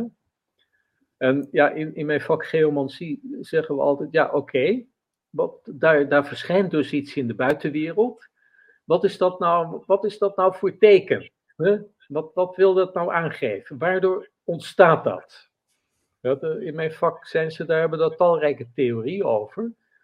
En ik heb daar een waarneming over, die heb ik dan ook geuit. Ja, maar dat is dus een, een, een, een, uitdrukking van een energieveld, in dit geval van het klooster, van niet geuite gevoelens of begeerten, die daar een veld gaan vormen waar zo'n plek last van heeft. En dan uit het zich aan de zijkant, in dit geval in de vorm van een kankergezwel bij een boom. En... Dus dat is eigenlijk net zoals uh, wat ze zeggen, als je dus je, emoties opkropt, dan komt dat uiteindelijk fysiek ten uiting ergens in je lichaam, maar dat is in de natuur dus ook. Ja. ja, celtoename eigenlijk. Ja, dat, dat is een wildgroei. En dat, dat, en dat is net als, zeg maar, als wij een gevolg van pijn hebben of ziekte en alles. Ja, dat is een signaal aan jou en mijn bewustzijn om, zeg maar, om te kijken, wat, wat zit daar nou achter? het schone van de, onze generatie in de New Age, dat, dat wij natuurlijk hebben geleerd om, zeg maar, te kijken van, hé, hey, wat is dat nou voor beweging? Hoe kan ik met die voorfase contact maken? En in de hoop, zeg maar, dat dit, deze zinnenbeelding niet meer, niet meer nodig is. Ja? dat is een ander beheer van het, van het rode knopje dat aan ons eh, stuurpaneel gebeurt. De ander die pakt een hamer en slaat het, uh, slaat het knopje stuk. Nee, dat, dat, dat, dat brengt een impuls om te onderzoeken. En hoe wordt dit, hoe wordt dit fenomeen uitgelegd in de, in de natuur, in de biologie? Ja, ik weet niet precies. Het is in ieder geval een bepaalde wildgroei. Het is een hmm. soort, dat wordt ook een soort kanker genoemd. Hè? Een eigenstandig, uh, net als bij ons eigenlijk kanker niet controleerbaar is. In energetische zin zou ik het noemen, daar, daar wordt een bepaalde kwaliteit, je zou kunnen zeggen een negatieve kwaliteit, dat is maar een benaming, omgezet in een soort neutraliteit. Die, die, die boom die offert zich op en die, die verwerkt dat. Ja, dat, dat, dat is wat wij ook doen in de mensheid. Hè? Wat zeg maar het leed in Oekraïne. wij steunen dat land ook. Ja? Wij, wij helpen ze daarbij op onze manier. Hè? Ja. Ja, dat, dat, dat, dat zijn van die bewegingen. Als, als mensen nou met jou mee eh, willen, maar die, die denken van ja, maar dat, dat kan ik helemaal niet in die lagen kijken. Dus, eh, dus, uh, nou ja, dan moet dus niet meegaan. Oh, oh. dat is wel heel simpel. Kijk, als ze zeggen, ik heb, ik, ik heb, over het algemeen gaan natuurlijk mensen mee die een soort natuurlijke begaafdheid hebben. Er gaan natuurlijk geen mensen met mij mee die, die natuurlijk wantrouwend zijn en die er oordelen over hebben. Die hoeven echt niet te komen. Geen politici als, als je daar een talent in hebt, ja, dan wil ik dat graag, dat talent, uh, wakker maken en dat we dat, zeg maar, ja, aan de oppervlakte brengen. Ja, omdat vaak die talenten zitten niet, die, die kunnen niet helemaal aan de, tot bloei komen. Er zitten allerlei hindernissen in. Ja, maar goed. Maar je, je geeft ook uh, Zoom uh, ja, bijeenkomsten. Ja, klopt. Ja, ja. Is, is dat ook iets om zeg maar mee te beginnen? Dat, je, dat het daarmee ja, als je, als gemaakt wordt? Uh, kijk, ik heb natuurlijk een wat afwerkend wereldbeeld. Omdat mijn wereldbeeld is niet gestoeld op een ideeënwereld of op een overname, maar op basis van waarnemingen. En ik zit natuurlijk in kringen die soms meer waarnemen dan ik. Dus het is ook een soort netwerk. En, uh, uh, die zijn eigenlijk bedoeld om, ja, om, om uit de eigen kokon te komen, om te realiseren dat er nog zoveel meer is om te ontmoeten. Dat, dat, dat wij zoveel mogelijkheden als mens hebben. En uh, als je nieuwsgierig bent, dat heb je dus wel nodig. En je niet laat remmen door je geestelijke beperkingen of je gedachten ja, dan ben je misschien bij mij op het goede adres. Ik weet het ook niet. Maar ik heb, ik heb gelukkig geen volgelingen. Dus ze kunnen een poosje meereizen en uh, dan moet je het toch wel weer zelf doen. Ja. En wat uh, de, de, de, mensen die naar de Radio Gadget kijken, die zijn vaak open-minded. Die vinden dit soort informatie heel interessant. Ja. Ehm, wat, wat zou je mensen nou adviseren? Want we zitten natuurlijk in een hele bijzondere nou, tijd. Het advies is altijd heel simpel: volg de beweging. Kijk, kijk, je dient te denken, ons, ons, ons mens, wij, wij hebben een goede programmering. We zijn hier met een plan gekomen en dat plan dat is voor iedereen verschillend. En als je trouw bent aan je impulsen, aan wat op je pad komt, dan, is, dan, dan zit je al op de juiste, juiste weg. Oké, dus het is makkelijker dan we, we weer van maken van het, van, van het plan. En, en, punt twee, wees nieuwsgierig, blijf niet in het ene straatje zitten. Wees ook, hè? een van mijn zei altijd, je, eigenlijk één keer per week moet je iets doen waar je een hekel aan hebt. Ja, want dat heb je dus uitgesloten uit je werkelijkheid. Ja. Uh, dat doe ik al, met Radio Gadget doe ik elke week. Die begrijp je elke week. om, om eens even een andere insteek. Dat wil niet zeggen dat dat waar is, maar voor mij is dat wel. Dat is mijn wereld. Oké. Ja, maar ik, ik, hoef mijn wereld niet op jouw wereld te leggen. Dat, absoluut niet. Nee. Dat, nee. Ik, ik, was even aan het zoeken, ook op eh, Twitter, naar mensen die over uh, krachtplekken en uh, leelijnen en zo het hebben. Ja. Toen kwam ik, kwam ik dit tegen, dat vond ik toch wel grappig. misschien weet jij daar iets van, misschien ben je er ooit geweest. Pepine van den Berg, dit is een hele oude tweet, ik heb echt moeten graven, uit 2012. Jeetje, 2012, ja. Bij het bezoek aan het Binnenhof vandaag, zo waar een krachtplek, Leeuwijn ja, gevoeld. Ja, en dan zegt ze, om precies te zijn, vlak voor het moderne gebouw van de Tweede Kamer. Ja. Heeft, nou, wat een toeval. Heeft dat, wat, wat, wat is er aan de hand? Wat, heeft dat invloed op elkaar? Is dat expres? Wat, uh, wat denk jij? Ja, nu kom je bij een wat uh, een, een fenomeen van wat is nu eigenlijk een krachtplek of een heilige plek of een bijzondere plek. Uh, je dient te realiseren dat er natuurlijk een tijd is geweest dat bijvoorbeeld de Binnenhof, dat komt nog uit de middeleeuwen, die, die, die plek. Uh, er is iemand natuurlijk geweest die heeft die plek uitgekozen. De vraag is natuurlijk waarom dat die persoon die plek heeft uitgekozen. Maar neem nou eens aan dat dat een bouwmeester is of een landmeter die iets van natuurkrachten wist en die zei, hé, hey, daar, daar is iets bijzonders. over het algemeen zijn alle kerken en kloosters en kastelen op eh, toch, toch, toch wat afwijkende eh, kwaliteitspunten gebouwd. Nou, dat is punt 1. Nou, punt 2, wordt er een gebouw gebouwd met een bepaalde vormkracht, dat heeft ook een uitwerking. Punt 3, er komen natuurlijk al talrijke mensen. En je moet denken, zo'n kasteel, dat waren niet de minste die daar kwamen. Ja, dat waren mensen toch met een wat andere soort ontwikkeling.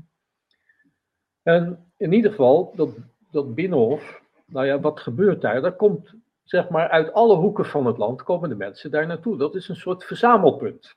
Hm? Ja, en dat, daar, worden ook, daar gebeuren dingen, daar worden ook afspraken gemaakt, wat in dat hele land gebeurt. Dus dat is, zeg, dingen, ja.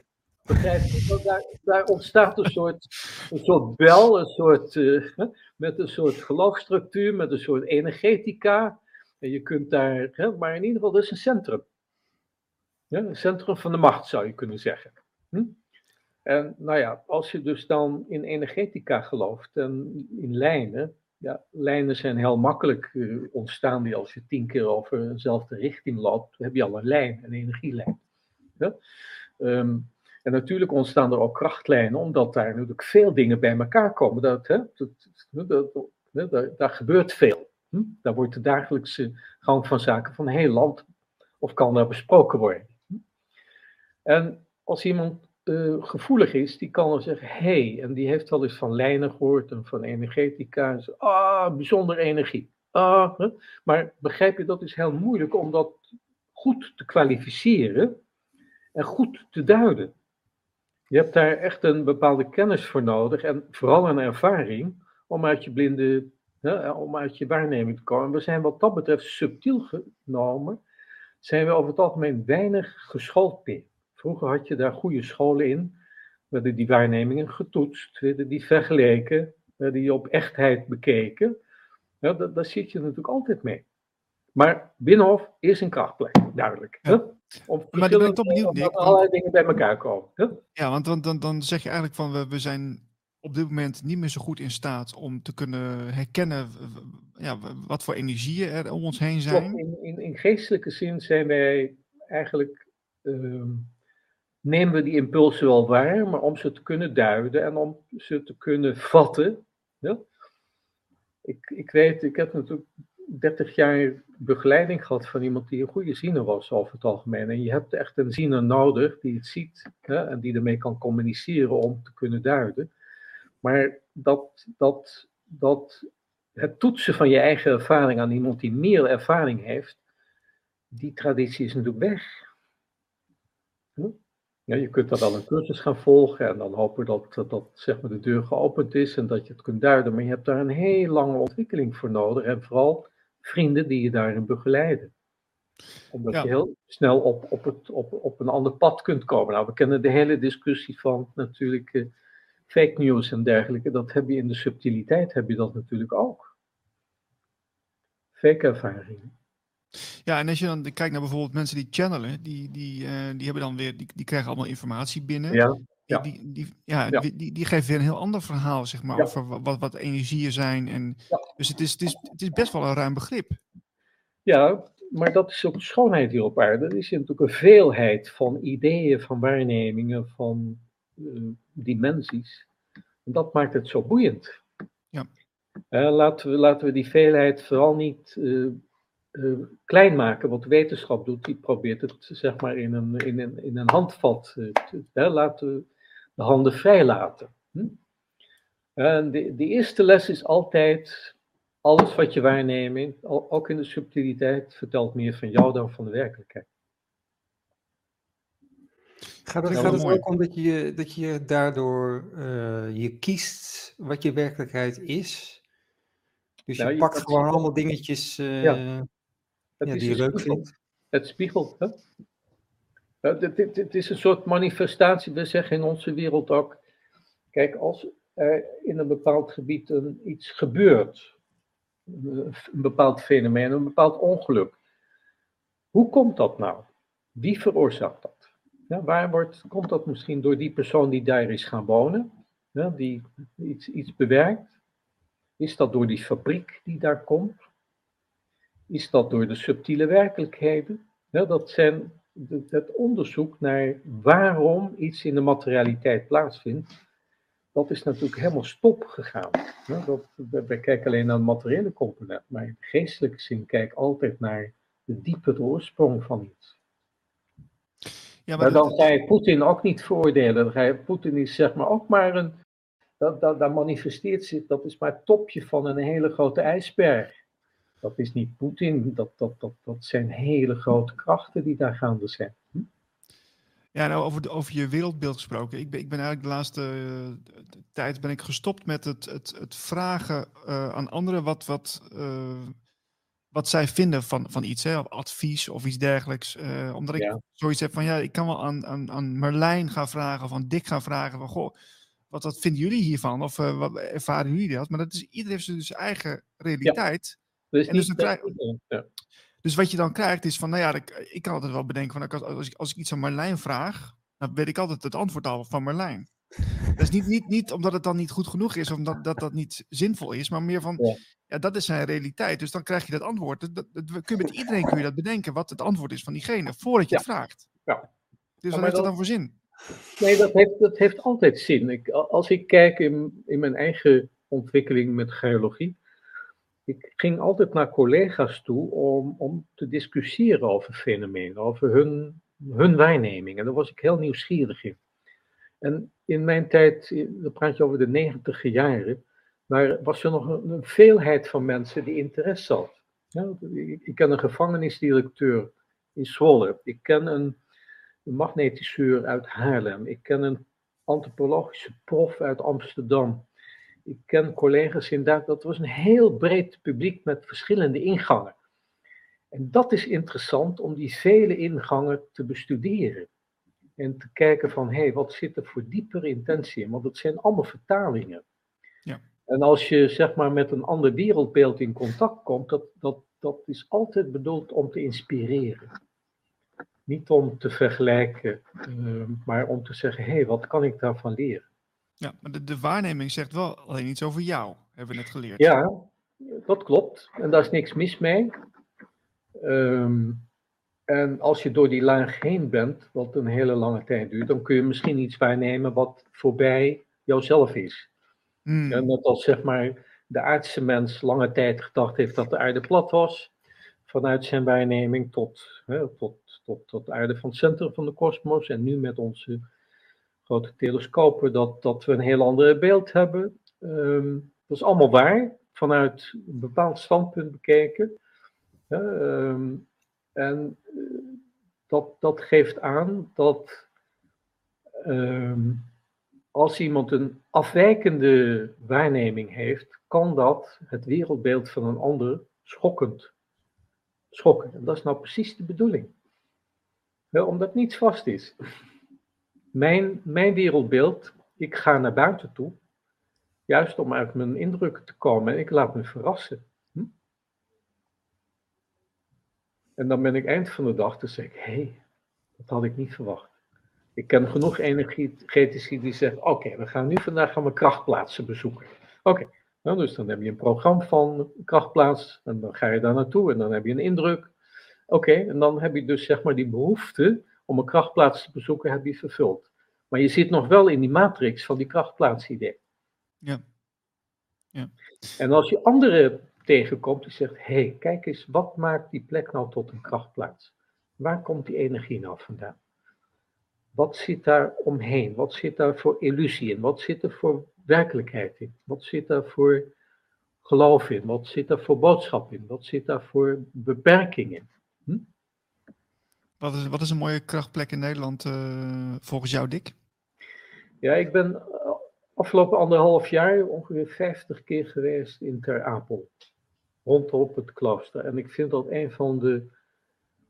Ik ken Nederland natuurlijk heel goed. Er is geen geen gebied waar, waar ik niet mijn stap heb gezet. Maar Ter Apel fascineert mij omdat daar nog, wat ik noem een heel oud, vanuit het geheel, vanuit het ene, een soort krachtpunt, een soort lichtpunt is gecreëerd, wat in elke tijd aparte vorm werd gegeven. Nu is dat een klooster. Maar interessant is daar, daar is geen stad of een dorp opgebouwd. Dat is nog allemaal natuur de meeste krachtplaatsen in steden en in dorpen, dat is, allemaal bebouwing opgekomen, dat is niet meer interessant daardoor aan de maar daar is de natuur nog levend. En dat vind ik uniek. Okay. Dus dan blijven die, die sferen, die oude sferen zitten daar nog heel erg. En die kunnen zich manifesteren in de vegetatie, et cetera. Oké. Nou, we zijn er bijna doorheen, maar ik wou nog één dingetje, want het is uh, ook als we kijken een beetje naar de toekomst en naar het nieuwe wonen ook. Ja. Jij, jij biedt ook aan van uh, als mensen willen gaan bouwen ergens, dat daar ook even over moet worden nagedacht, want er zitten allemaal uh, wezens in de grond. Ja. Dus daar ben jij voor in te huren om eh, die plekken, zeg maar, een soort van. Ja, wat doe je dan? Ja, voor te bereiden op de, op de bouw? Of. Ja, het, het, vak geomancie, um, dus het lezen van de, de, de, krachten van de aarde of van een plek, um, gaat ervan uit dat er geen plek onbewoond is. Ja?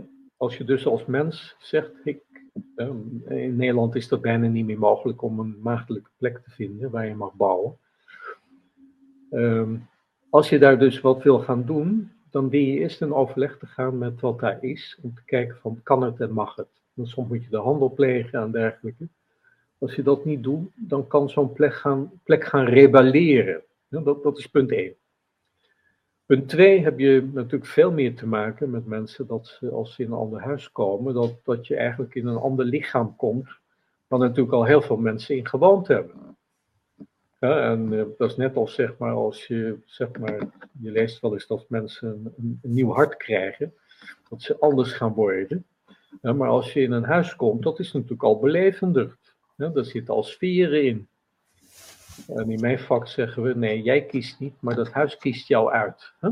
Hm? Ja, oh, oké. Okay. Dat is andersom. Dat is ook een idee. Hè? Maar begrijp je, dat kan dus ook een, uh, het lezen van wat zo'n plek aan kwaliteiten heeft en wat de mogelijkheden zijn en hoe daarmee om te gaan. Ja, dat is het oude, het oude adagium in mijn vakgebied. Daar zijn heel veel mensen mee bezig. En ieder heeft daar zijn eigen insteek ook weer in. Zie, zie je dat als de toekomst, waar we naartoe gaan met, ja, met z'n allen? Nou, ik hoop dat we in ieder geval wat wakkerder worden hoe onze realiteit in elkaar zit. En eh, wij stappen steeds in een reeds, in een reeds belevender de realiteit. Met een aparte tijdgeest, met een verleden, met een collectiviteit. En dat is een hele klus om zeg maar, daar een nieuwe beweging in aan te, te brengen. Laten we eerst beginnen maar te realiseren, wat, wat, wat is dat voor een veld waar we in zitten?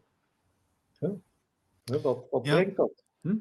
Er is nog genoeg te doen, denk ik, eh, de komende, de komende jaren, Dick genoeg. Te, ja, nou ja, het gaat gelukkig heel hard. Ja, dat is wel bijzonder, hè? Het, het, en het leuke van Nederland is, als je in de subtiliteit bekijkt, we kennen ook de vier elementen: aarde, water, vuur en lucht. Nederland is een echte land waar het element water en lucht heel belangrijk is. Hè? Ik zit hier in, uh, in het Middelgebergte. Daar is juist aarde en vuur heel belangrijk. Ja, dus dat is voor mij een leerschool hier. De omgeving is ook een leerschool. Alright. Dick, we vonden het heel leuk dat je er was. Dank je. En uh, graag tot de volgende keer, want uh, volgens mij ben jij nog uh, zo veelzijdig dat we nog heel veel andere kanten op kunnen gaan. Maar... Wie weet. Wie weet. Oké. Okay. Dick, dank voor je tijd. Goeie tijd allebei, hè? Graag gedaan. En we houden contact erover. Jo. Hey, Oké. Okay. Hoi, hoi. Hoi. Dick van der Dol was dat uh, uit eh, Duitsland, hè, zit hij? Grens Duitsland-Tsjechië. Ja. Dus uh, geologie.nl over ja, de energetische kant van het leven en de onstoffelijkheid. jij hebt nog wel leuke plaatjes, Marlijn, zie ik. wil je daar gelijk naartoe? Of wil je eerst nee, iets vertellen? Nog? Nee, want dit, deze kwam ik gewoon tegen. En toen dacht ik, oh, mooie plaatjes. Kunnen we ook wel even laten zien. Dus ik heb er niks over te vertellen. behalve, behalve, dat je aan de, de rechterkant zie je natuurlijk de sterrenbeelden. Waar komt het vandaan, dit plaatje? Uh, Twitter.com. okay. God, zijn we toch ook betrouwbaar met onze bronvermelding, hè? Twitter.com, oké. Okay. Ja, ja dat is, we zijn van, toch een beetje van de meme-generatie aan het worden, volgens mij. Van, hè, we weten niet meer waar het vandaan komt, maar het is allemaal leuk. Dus we laten het gewoon zien. Ja, precies. Oké. Nou ja, uh, interessant. Ziet er een beetje uit als een levensloop. Uh, ja. Kan niet heel goed zien trouwens. Maar het ziet er wel een beetje renaissance tijd uit. Zie ik het verkeerd? Ja, volgens mij was wel iemand die het ook over geomantie had. En zei van, uh, dit, is, dit, ja, dit is een beetje ook een soort voorstelling daarvan. Maar... Uh, ja. Kan, ik kan hem ook weer wegdoen, hè? Kijk. Ja, nee, nou, nou, ik, ik, heb er geen last van verder, maar uh, leuk. uh, we werken natuurlijk uh, langzaam toe naar 21 januari. Want dus onze trouwe aanhang die zit ook mee te kijken van oké, wat gaat er gebeuren? Um, ja, wat gaat gebeuren, Niels? Nou, wat, wat, wat, we gaan doen is, we gaan natuurlijk een, een, een uitzending doen met een aantal gasten bij Radio Gletscher. En vanaf een uurtje of drie zijn we in Utrecht op een locatie wat nog naar de luisteraars en kijkers wordt verstuurd. Die, die geïnteresseerd zijn. Um, en hebben we een Radio Gletscher Meetup Event. En um, ja, dus zet die agenda 21 januari op zaterdagmiddag. Uh, kom naar ons event toe. En uh, ja, waarschijnlijk ontmoet je heel veel leuke mensen die ja, toch geïnteresseerd zijn in spiritualiteit. Of, of dit soort aanverwante onderwerpen. Um, nou, dat, dat, dat even gezegd hebben. Je kunt je ook aanmelden via de mail. Hè? Als je je aanmeldt via de nieuwsbrief, dan ben je op de hoogte. Ja, en dan kunnen jullie eindelijk Niels zijn oren een keer zien. Dat is misschien ook wel leuk. is, was het, is, dat, is het een poging tot humor of zo? nou, je ziet hier altijd met koptelefoon op. Dus, uh, ja. ja, dat is waar. Oké, nou dan kunnen ze mijn oren zien. Ja, dat is waar. Um, ja, voor de mensen die het nog niet weten, we zitten op Rumble, we zitten op Twitter, we zitten op Spotify, Apple Podcast, um, Instagram en Twitter, Facebook. Dus, dus uh, wil je ons volgen voor de andere podcast die we hebben, uh, meld je even aan. En meer informatie vind je natuurlijk op de website radioglacier.nl.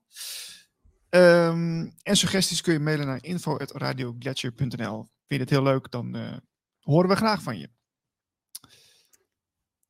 Ik wil jullie hartelijk bedanken voor al het mooie werk van dit jaar, zegt Somoa. Al die bijzondere gasten, jullie hebben mij geholpen in mijn spirituele reis. Zeer dankbaar, ik heb net gedoneerd. Kregen we in de, in de Gletscherbox. Dus dat is hartstikke leuk. Ja, tof.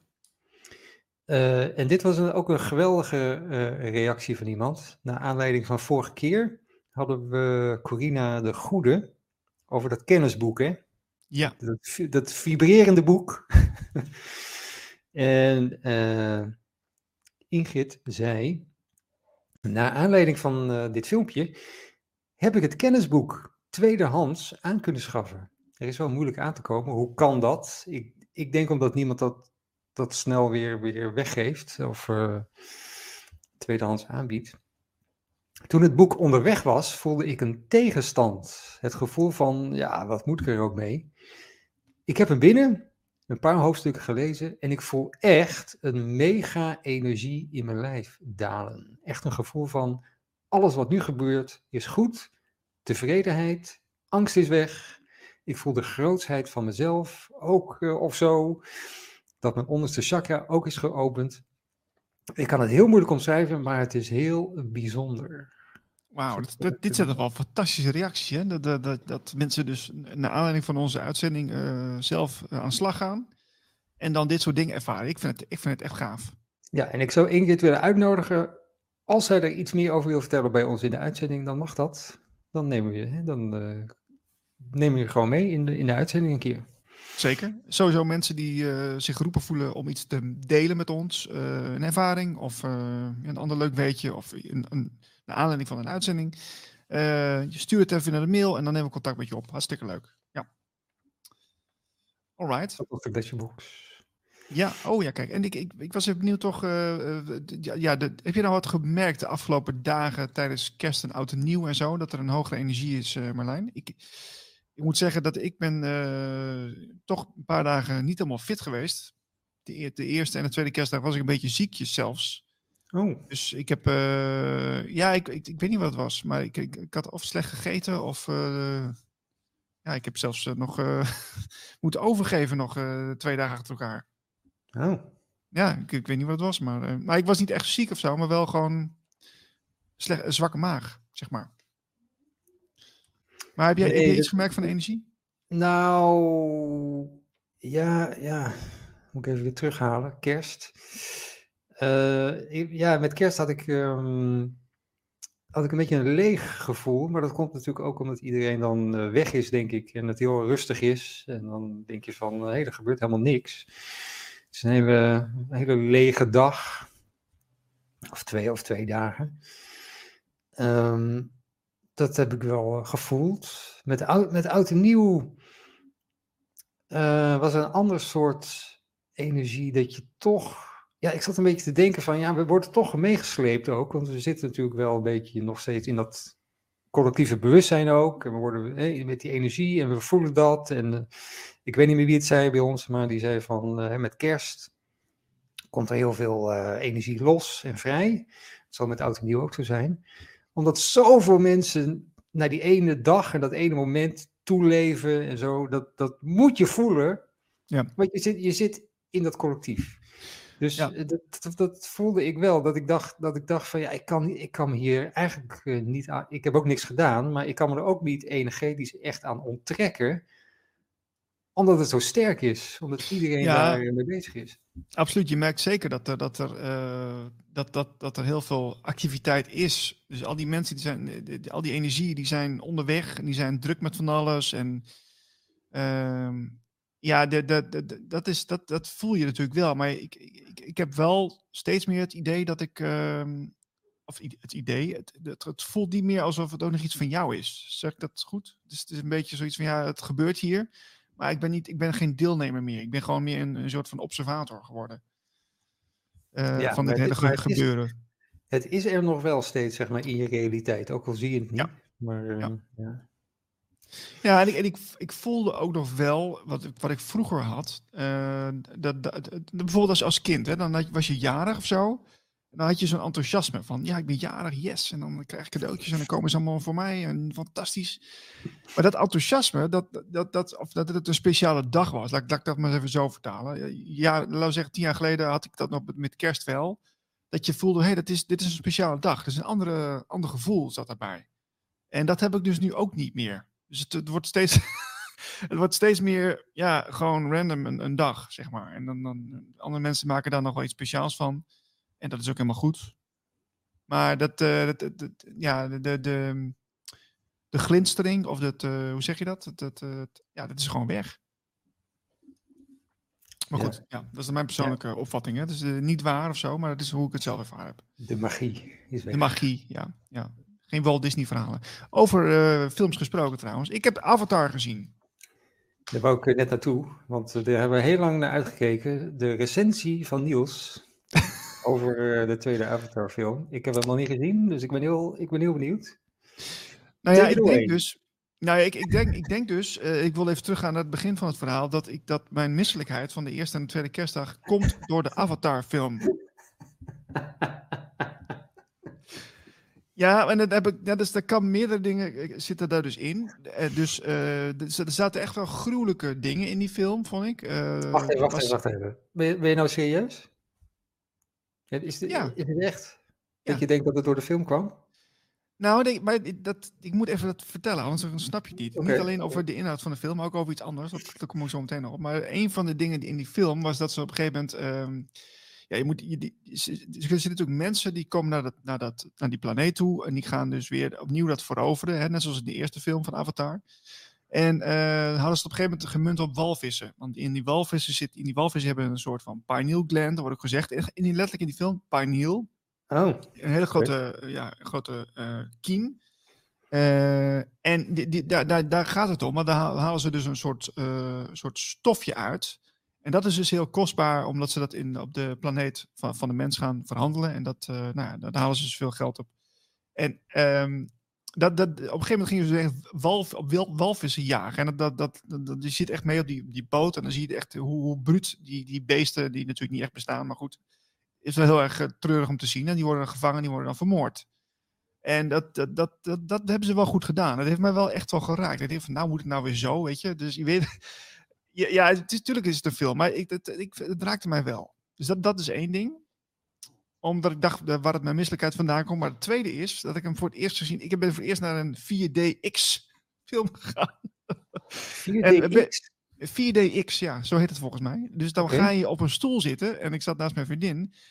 En dan ga je zo lekker heen en weer schudden. Zo, hup, zo. En, en water over je heen. En lucht achter je oren. En het was, nou, ik, ik, ik, ik, ik, ik dacht, nou, dit is leuk voor een kwartier. Maar het ging dus echt gewoon 3,5 uur door. Hè? Dus dat hele 3,5 uur zo. Ik kan je adviseren, doe dat niet. Doe dat niet. Dat is echt niet tof. Maar uh, ja, ja ik, ik, kijk ook liever gewoon een normale film. Maar mijn vriendin die zegt, nou, laten we een keer naar een 4DX film gaan. Misschien is dat leuk. Nou ja, dus ik heb het nu één keer ervaren. Dat doen we niet meer. Maar, wat is uh, wat is de waterboarding eigenlijk?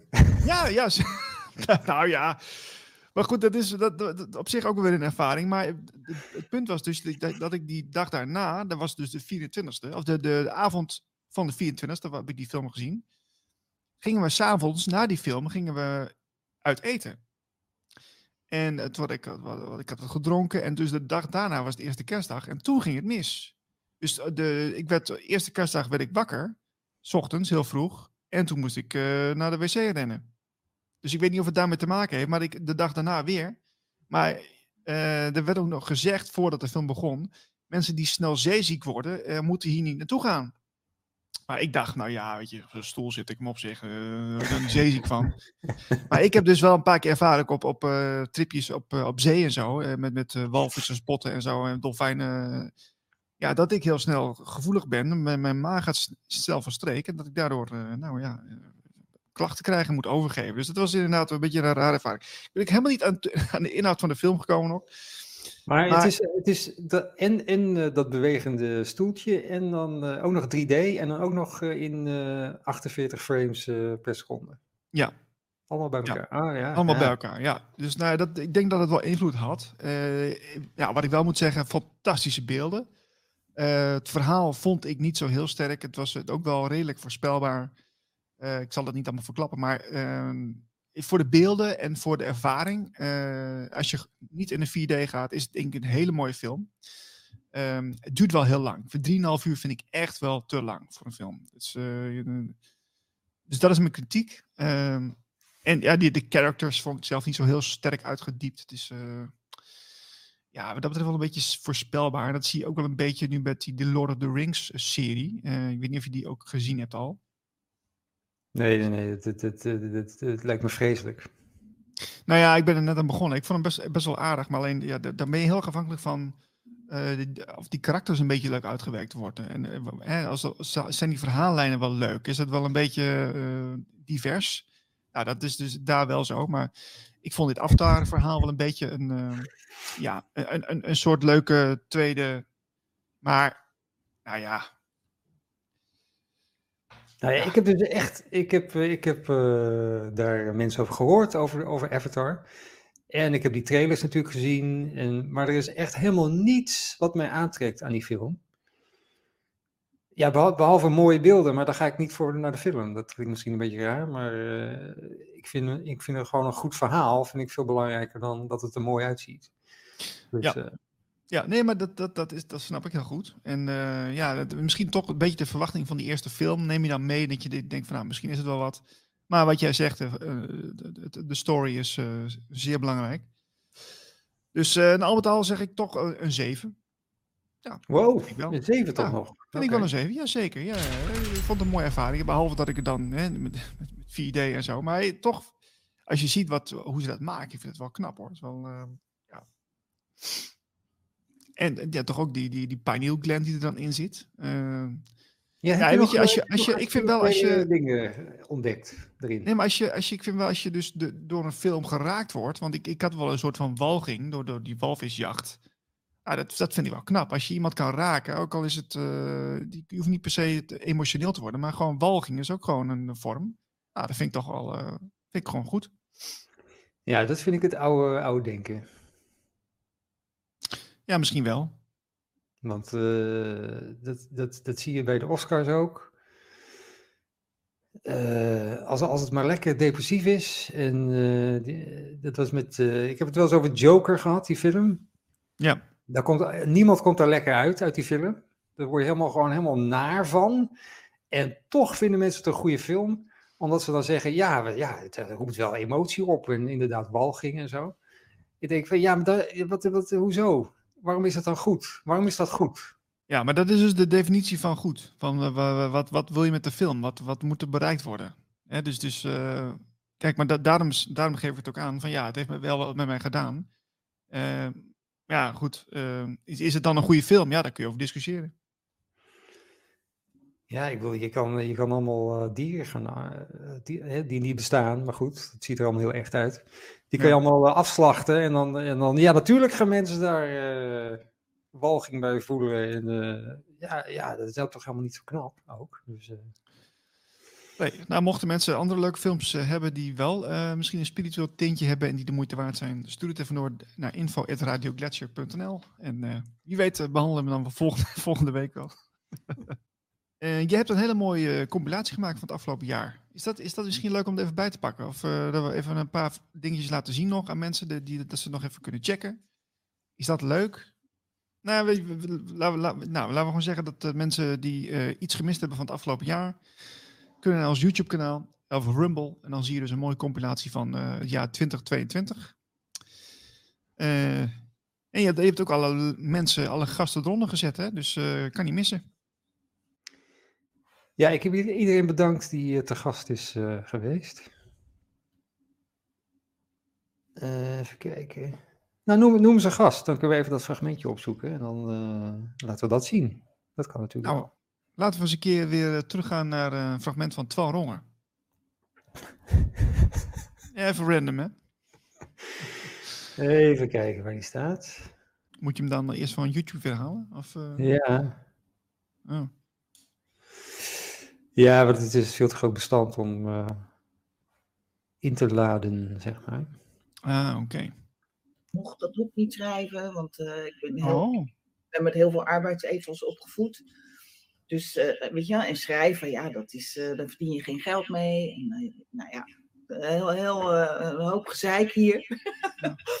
De tweede spreker, die hebben het over de boeren. En die zegt, echt, en dat komt echt vanuit zijn darmen, zou ik bijna willen zeggen. Dat, dat, die zegt dat de, de geweld, wat, wat, wat, wat wij allemaal Nederlanders van de boeren, dat wij dat allemaal op het journaal te zien krijgen.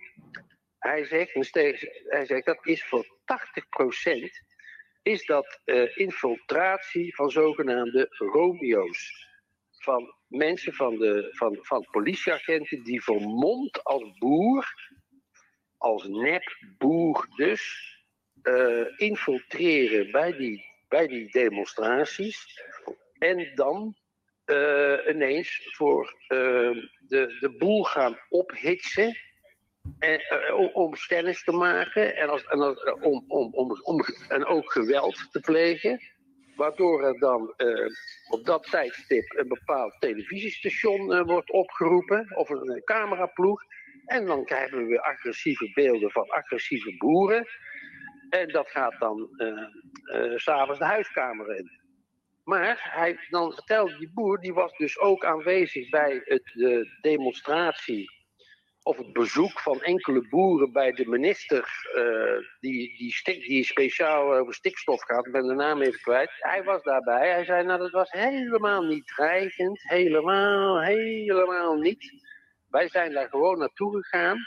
Zij kwam naar buiten, heel ontspannen zelfs, met de kindjes erbij. Ik heb nog met zo'n kindje zitten kletsen. Hij zegt, en ineens komen er gewoon figuren bij staan die wij, wij kennen iedereen van de Farmers eh, Defence Force. En die kennen wij helemaal niet. En die gaan daar ineens tennis lopen te maken. Die beginnen ineens te schelden. En, en, en, hmm. en, dan, en dat komt op tv. Hij zegt, en dat, dat is echt verschrikkelijk om te zien. Dus als wij nu een demonstratie zien, dan eh, pikken wij die mensen eruit. Dat doen we ook dan helemaal niet agressief tegen, maar we gaan er niet op in. Ze zijn te herkennen aan hun oortjes. Ze hebben vaak een oortje in. En ze hebben gewoon de verkeerde boerenkleding aan. Snap je wat ik bedoel? Ze zijn makkelijk te herkennen gewoon. Ah, ja, ja, ja. ja. Nou, dat was even een kort fragmentje van uh, Twan. Die ook in een van onze uitzendingen was uh, in het jaar 2022 uh, van Lunsing en van Dobbe. Um, dus ja, dan, dan, we kunnen natuurlijk ook ja, eind van dit jaar rekenen op een mooi overzicht. Want er zitten behoorlijk wat leuke gasten bij al de komende maanden. Die bij ons langskomen. Dus hou het in de gaten. En zorg dat je de nieuwsbrief hebt. Dan, dan ben je in ieder geval elke week op de hoogte. Ja, een van de gasten, niet van vorig jaar, maar van het jaar daarvoor, was Ira Nagel. Hebben wij ook in de show gehad. Dat een grappig, of grappige, maar een leuke video van afgelopen week. Déjà vu, Mandela-effect en timeline shifts, daar had ze het over. Zij zit nu overigens in Bosnië, hè? Dus, ja, dat, dat, dacht ik al, ja. bezig om daar naartoe te verhuizen. Daar zit zij nu en ze heeft ook, geloof ik, water en elektriciteit, dus dat is ook fijn. En die maakt elke week een video op haar kanaal Namaste TV. allemaal over ja, dit soort onderwerpen. hartstikke leuk. En ze is vaker in de natuur. En zij vertelde iets leuks in, in deze video, namelijk, je hebt natuurlijk al die verschillende culturen over de hele wereld. Nou ja, de Bosnische cultuur, zei ze, die heeft ook een, uh, ja, een soort, ja, hoe, hoe, moet je het noemen? Een, uh, een, een, denkwijze, misschien ook wel, hè, even inhakend op wat Dick ook vertelde. Ja. Dat je je eigen realiteit, zeg maar, creëert. En zij zei, als een kind dus heel ziek is, maar echt ziek. Niet, niet Niels in de bioscoop ziek, maar gewoon echt ziek. Ah. en dat gaat echt niet goed. Dan, wat ze dan doen, is dan veranderen ze de naam van het kind, zei ze. Dan krijgt het kind een andere naam, want die, die, die nieuwe naam heeft een andere frequentie weer. Uh, waardoor uh, ja, die frequentie van die oude naam, waar die ziekte dan ook op zit, dat, die, die, die, die, die werkt dan niet meer. Ah, dus, wat, uh, wat slim zeg. Zo, zo zijn er allemaal van dat soort leuke, ja, oude gebruiken en, en tips en tricks om met energie om te gaan. Dus dat vond ik wel heel grappig. Ja. Leuk. Ook wel leuk dat het gelukt is uh, met haar. Want ik weet nog goed dat ze daar uh, in zoekende was. En nou ja, het is een hele onderneming als je naar een ander land gaat. Ik, ik heb meer verhalen van mensen die toch weer met hangende pootjes zijn teruggekomen in Nederland. Van nou, het is toch wel weer een hele onderneming. ja, in Portugal, ik noem maar een land. Gewoon een land, willekeurig Portugal. om daar te gaan settelen. Want ja, onderschat het niet. Maar wel leuk. Ja. Nee, ze heeft, ze heeft het elke week ook wel gedeeld hoe dat uh, ging met het, met het verhuizen. En ze mag dan uh, uh, zoveel tijd mag ze het land in, in zijn. En dan moeten ze er weer uit voordat die verblijfsvergunning. En, dan, en ze wil ook daar retreats en dingen doen. Daar moeten natuurlijk ook vergunningen voor zijn. Maar ze zei, het is allemaal nou nog in pap met papier en helemaal niet digitaal nog. En, Leuk. Ja, hou zo. Ze, ja, ze zei van, die mensen zitten echt veel dichter op de natuur nog steeds daar. Niet, niet per se dat ze ja, zo heel veel spiritueler zijn per se, maar wel ja, dat ze veel meer met de natuur leven. Dus dat is wel... Uh... Nou, eigenlijk het verhaal wat, wat Dick net zei. Hè? Dus niet per se spiritualiteit, maar meer die gevoeligheid hebben met de natuur. Een soort, soort uh, binding hebben, uh, toch? dat is ja, die, die mind die, die ons eigenlijk beheerst. Hè? Dat is, uh, ja, dat is eigenlijk een gereedschapskist voor, voor mensen die uh, ja, sturing willen over jou. Dus uh, terwijl we eigenlijk ons is wijsgemaakt dat het, dat het iets is waar we zelf heel veel mee kunnen. Maar dus, ja, als je erachter komt dat dat uiteindelijk een soort vernauwing eerder van bewustzijn is dan een verruiming, dan ben je dus heel kwetsbaar. Ja, en Dick zei ook van ja, ik ben nergens meer bang voor. nee, nee, maar dat hoef je sowieso niet te zijn. Dus uh, nee, want, want, want als je in liefde bent, bedoel, dan kunnen allerlei entiteiten naartoe komen. Maar ja, als, jij, als jij in liefde bent, dan kunnen ze niks. Ja, in liefde en in beweging bent. Dat is, dat is volgens mij ook heel belangrijk. Volgens mij staat het ook vaak uh, gemeld op zijn site in zijn stukjes. Het gaat om die beweging, dat je in beweging blijft dat die energie uh, blijft stromen. En dat je niet, uh, ja, straks uh, opeens zit je in zo'n zielenhemel opgesloten, zonder dat je het weet. En, ja. ja. Maar de, de, in beweging bedoelt hij dan ook gewoon echt fysiek bewegen? Of dat niet zozeer? de, de energie moet bewegen, ja. Dus dat, ja. Dat, dat zal ook fysiek dan moeten, lijkt mij. Toch? Ja. Je hebt toch wel eens een keer overwogen, om, of in ieder geval met gedachten gelopen, om, om naar het buitenland te gaan? Um, nou, ik dacht wel, wat toen. Uh, zij zit ook in de compilatie. Manisha, die zou naar, naar, of naar uh, Spanje gaan. Ja. Uh, om daar met een gebied ook, dat hele gebied, ook, ook een soort retreat center-achtig iets. en zij zit daar volgens mij nu ook, maar dan op een andere plek, veel kleiner. Um, maar toen dacht ik wel van ja, dat is wel leuk. Dan hebben we gewoon één, één gebouwtje met een, met een vlag, de Radio Gletscher vlag. En dat doen we dan de uitzendingen. En dan uh, lekker in de zon zitten en uh, op, op dat terrein. Ja. Met, met al die dingen die daar gebeuren. Dat, uh, dat leek me wel een leuk idee. Maar dat is nooit serieus geweest. Maar ook omdat dat toen niet doorging, hè? Die plek ging niet door toen. Dus, ja, ja, ja. ja. en, ja. en Niels moest ook nog een beetje overtuigd worden dat dat echt een leuk idee was. Dus. Uh... ja. Nee, maar ja, ik heb nooit echt, echt serieus dat ik daarnaar ben gaan kijken. Het is, meer, het is meer dat het ergens in mijn achterhoofd zit van... Ik heb, ja, ik heb dat ooit eens gedaan met uh, zo'n oefening. Dat je, je, gaat, je gaat je dus voorstellen waar ben ik over vijf jaar? En dan over tien jaar en dan over twintig jaar. En, ja, dat is een bekende sollicitatievraag. Ja, nou ja, je, je, je gaat het op gevoel uh, en dan komen de beelden bij je op. En toen dacht ik, ja, zo uh, tussen 40 en 45. Uh, er gebeuren heel rare dingen vroeger tussen 40 ja, en 45. Vroeger, vroeger wel. Maar tussen je 40 en 45, tenminste tussen, bij mij, zat ik in het buitenland tijdens in die oefening. En daarna ook nog een hele tijd.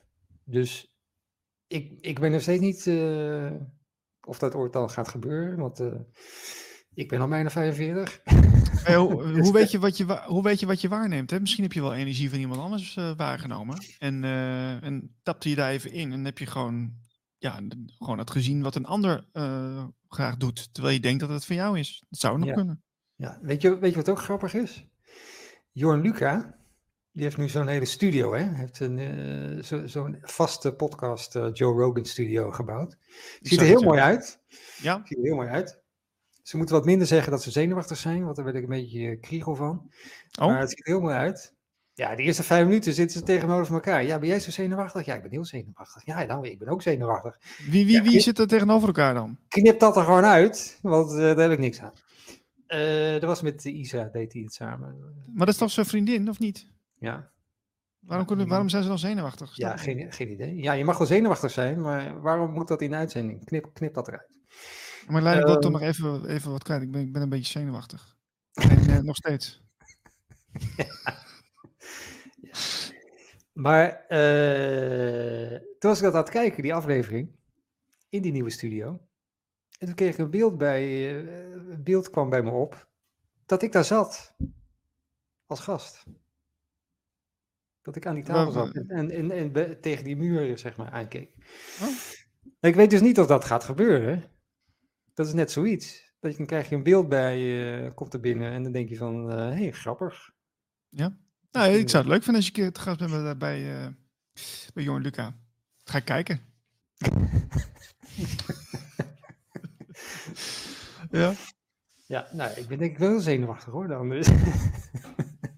nou, waarom zou je? Maar dat zat ik dan, dat zat ik dan uh, niet in beeld zeggen. Nee, verstandig, verstandig. Um, we hebben nog een aantal minuutjes. We gaan nog even heen met ons uh, gesprek. Um... Ik dacht, uh, de mensen die een leuke stilte van de week hebben, kun je ook nog insturen, want dat hebben we ook nog steeds. Um, wordt niet heel veel ingestuurd trouwens, maar zit je ergens ochtends lekker aan je ontbijtje of misschien buiten en denk je van, nou, dit is wel een mooi stilte moment. Neem het even op je telefoon of op je een andere opnamebandje. En stuur het naar ons door. En dan nou, willen we het graag laten horen in de uitzending als de stilte van de week. Dus ja. Ja, ik heb het in de nieuwsbrief een klein beetje getweakt. Een beetje anders gezegd. Het kan een stilte zijn. Het kan ook gewoon een geluidsfragment zijn. Maar op een speciale plek. Dus misschien denken mensen dan van, uh, oh, dat is misschien wel leuk, want uh, ik ga daar en daar heen en ik ben daar en daar geweest. Uh, dan trekken we het iets breder en dan komen er misschien inzendingen binnen. Ja, en je hebt trouwens ook de nieuwsbrief een beetje anders gemaakt, hè, de, de laatste keer. Ja, die heb ik een beetje strak getrokken. Ja. Nee, van, van de mensen die dit wekelijks volgen, we hebben, iets, we hebben een paar mensen op die nieuwsbrief, dus dat is voor, voor die mensen wel leuk om te weten hoe dat zich ontwikkelt natuurlijk. Want jij maakt die nieuwsbrief uh, elke week. Uh, ja, nou ja, ik dacht van. Nou, ik dacht eerst van ik, ik doe helemaal niks. Ik, we gaan gewoon door zoals we dat doen. Ja, en dan, en dan komt er toch creativiteit komt omhoog. Hè? Dan mm. denk ik van ja, ik, ja, het nieuwe jaar laat ik toch, toch, toch een beetje weer iets anders doen. Om het fris te houden. Dus ja. En met, met de talkshow, wat, wat, wat kunnen we verwachten de komende tijd? Heb je al nieuwe, nieuwe ideeën? Ja, um, nou ja, Niels, jij gaat met de nieuwe tijd, ga je maandelijks in plaats van wekelijks. Ja. En ik denk dat er met de talkshow ook uh, het een en ander uh, gaat veranderen in de, in de frequentie en in, in wat en hoe. Want ik heb wel een beetje het idee dat ik alles gezegd heb nu. Dat denk je maar.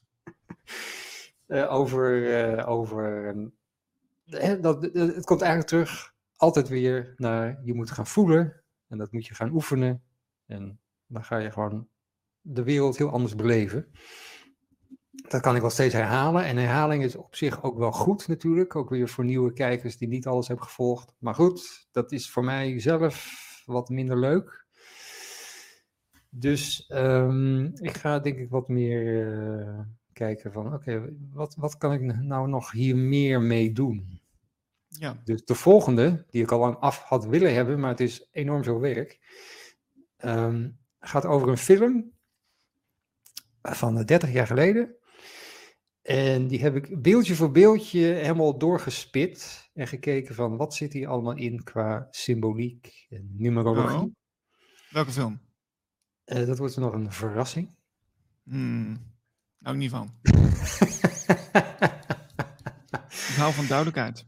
Maar, uh, dus ik doe, het ook, ik doe het ook in het Engels. Want ik, ik denk dat het ook voor Engelstaligen interessant is. Uh, maar ik weet niet of ik dat blijf doen. Het is gewoon even een experiment tussendoor. Dus dat. Uh... Dus je bent eigenlijk nog zoekende met jouw nieuwe format.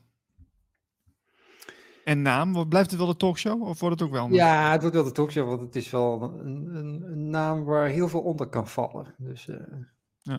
ja, dat is ook zo. Ja, met de nieuwe tijd ook wel natuurlijk.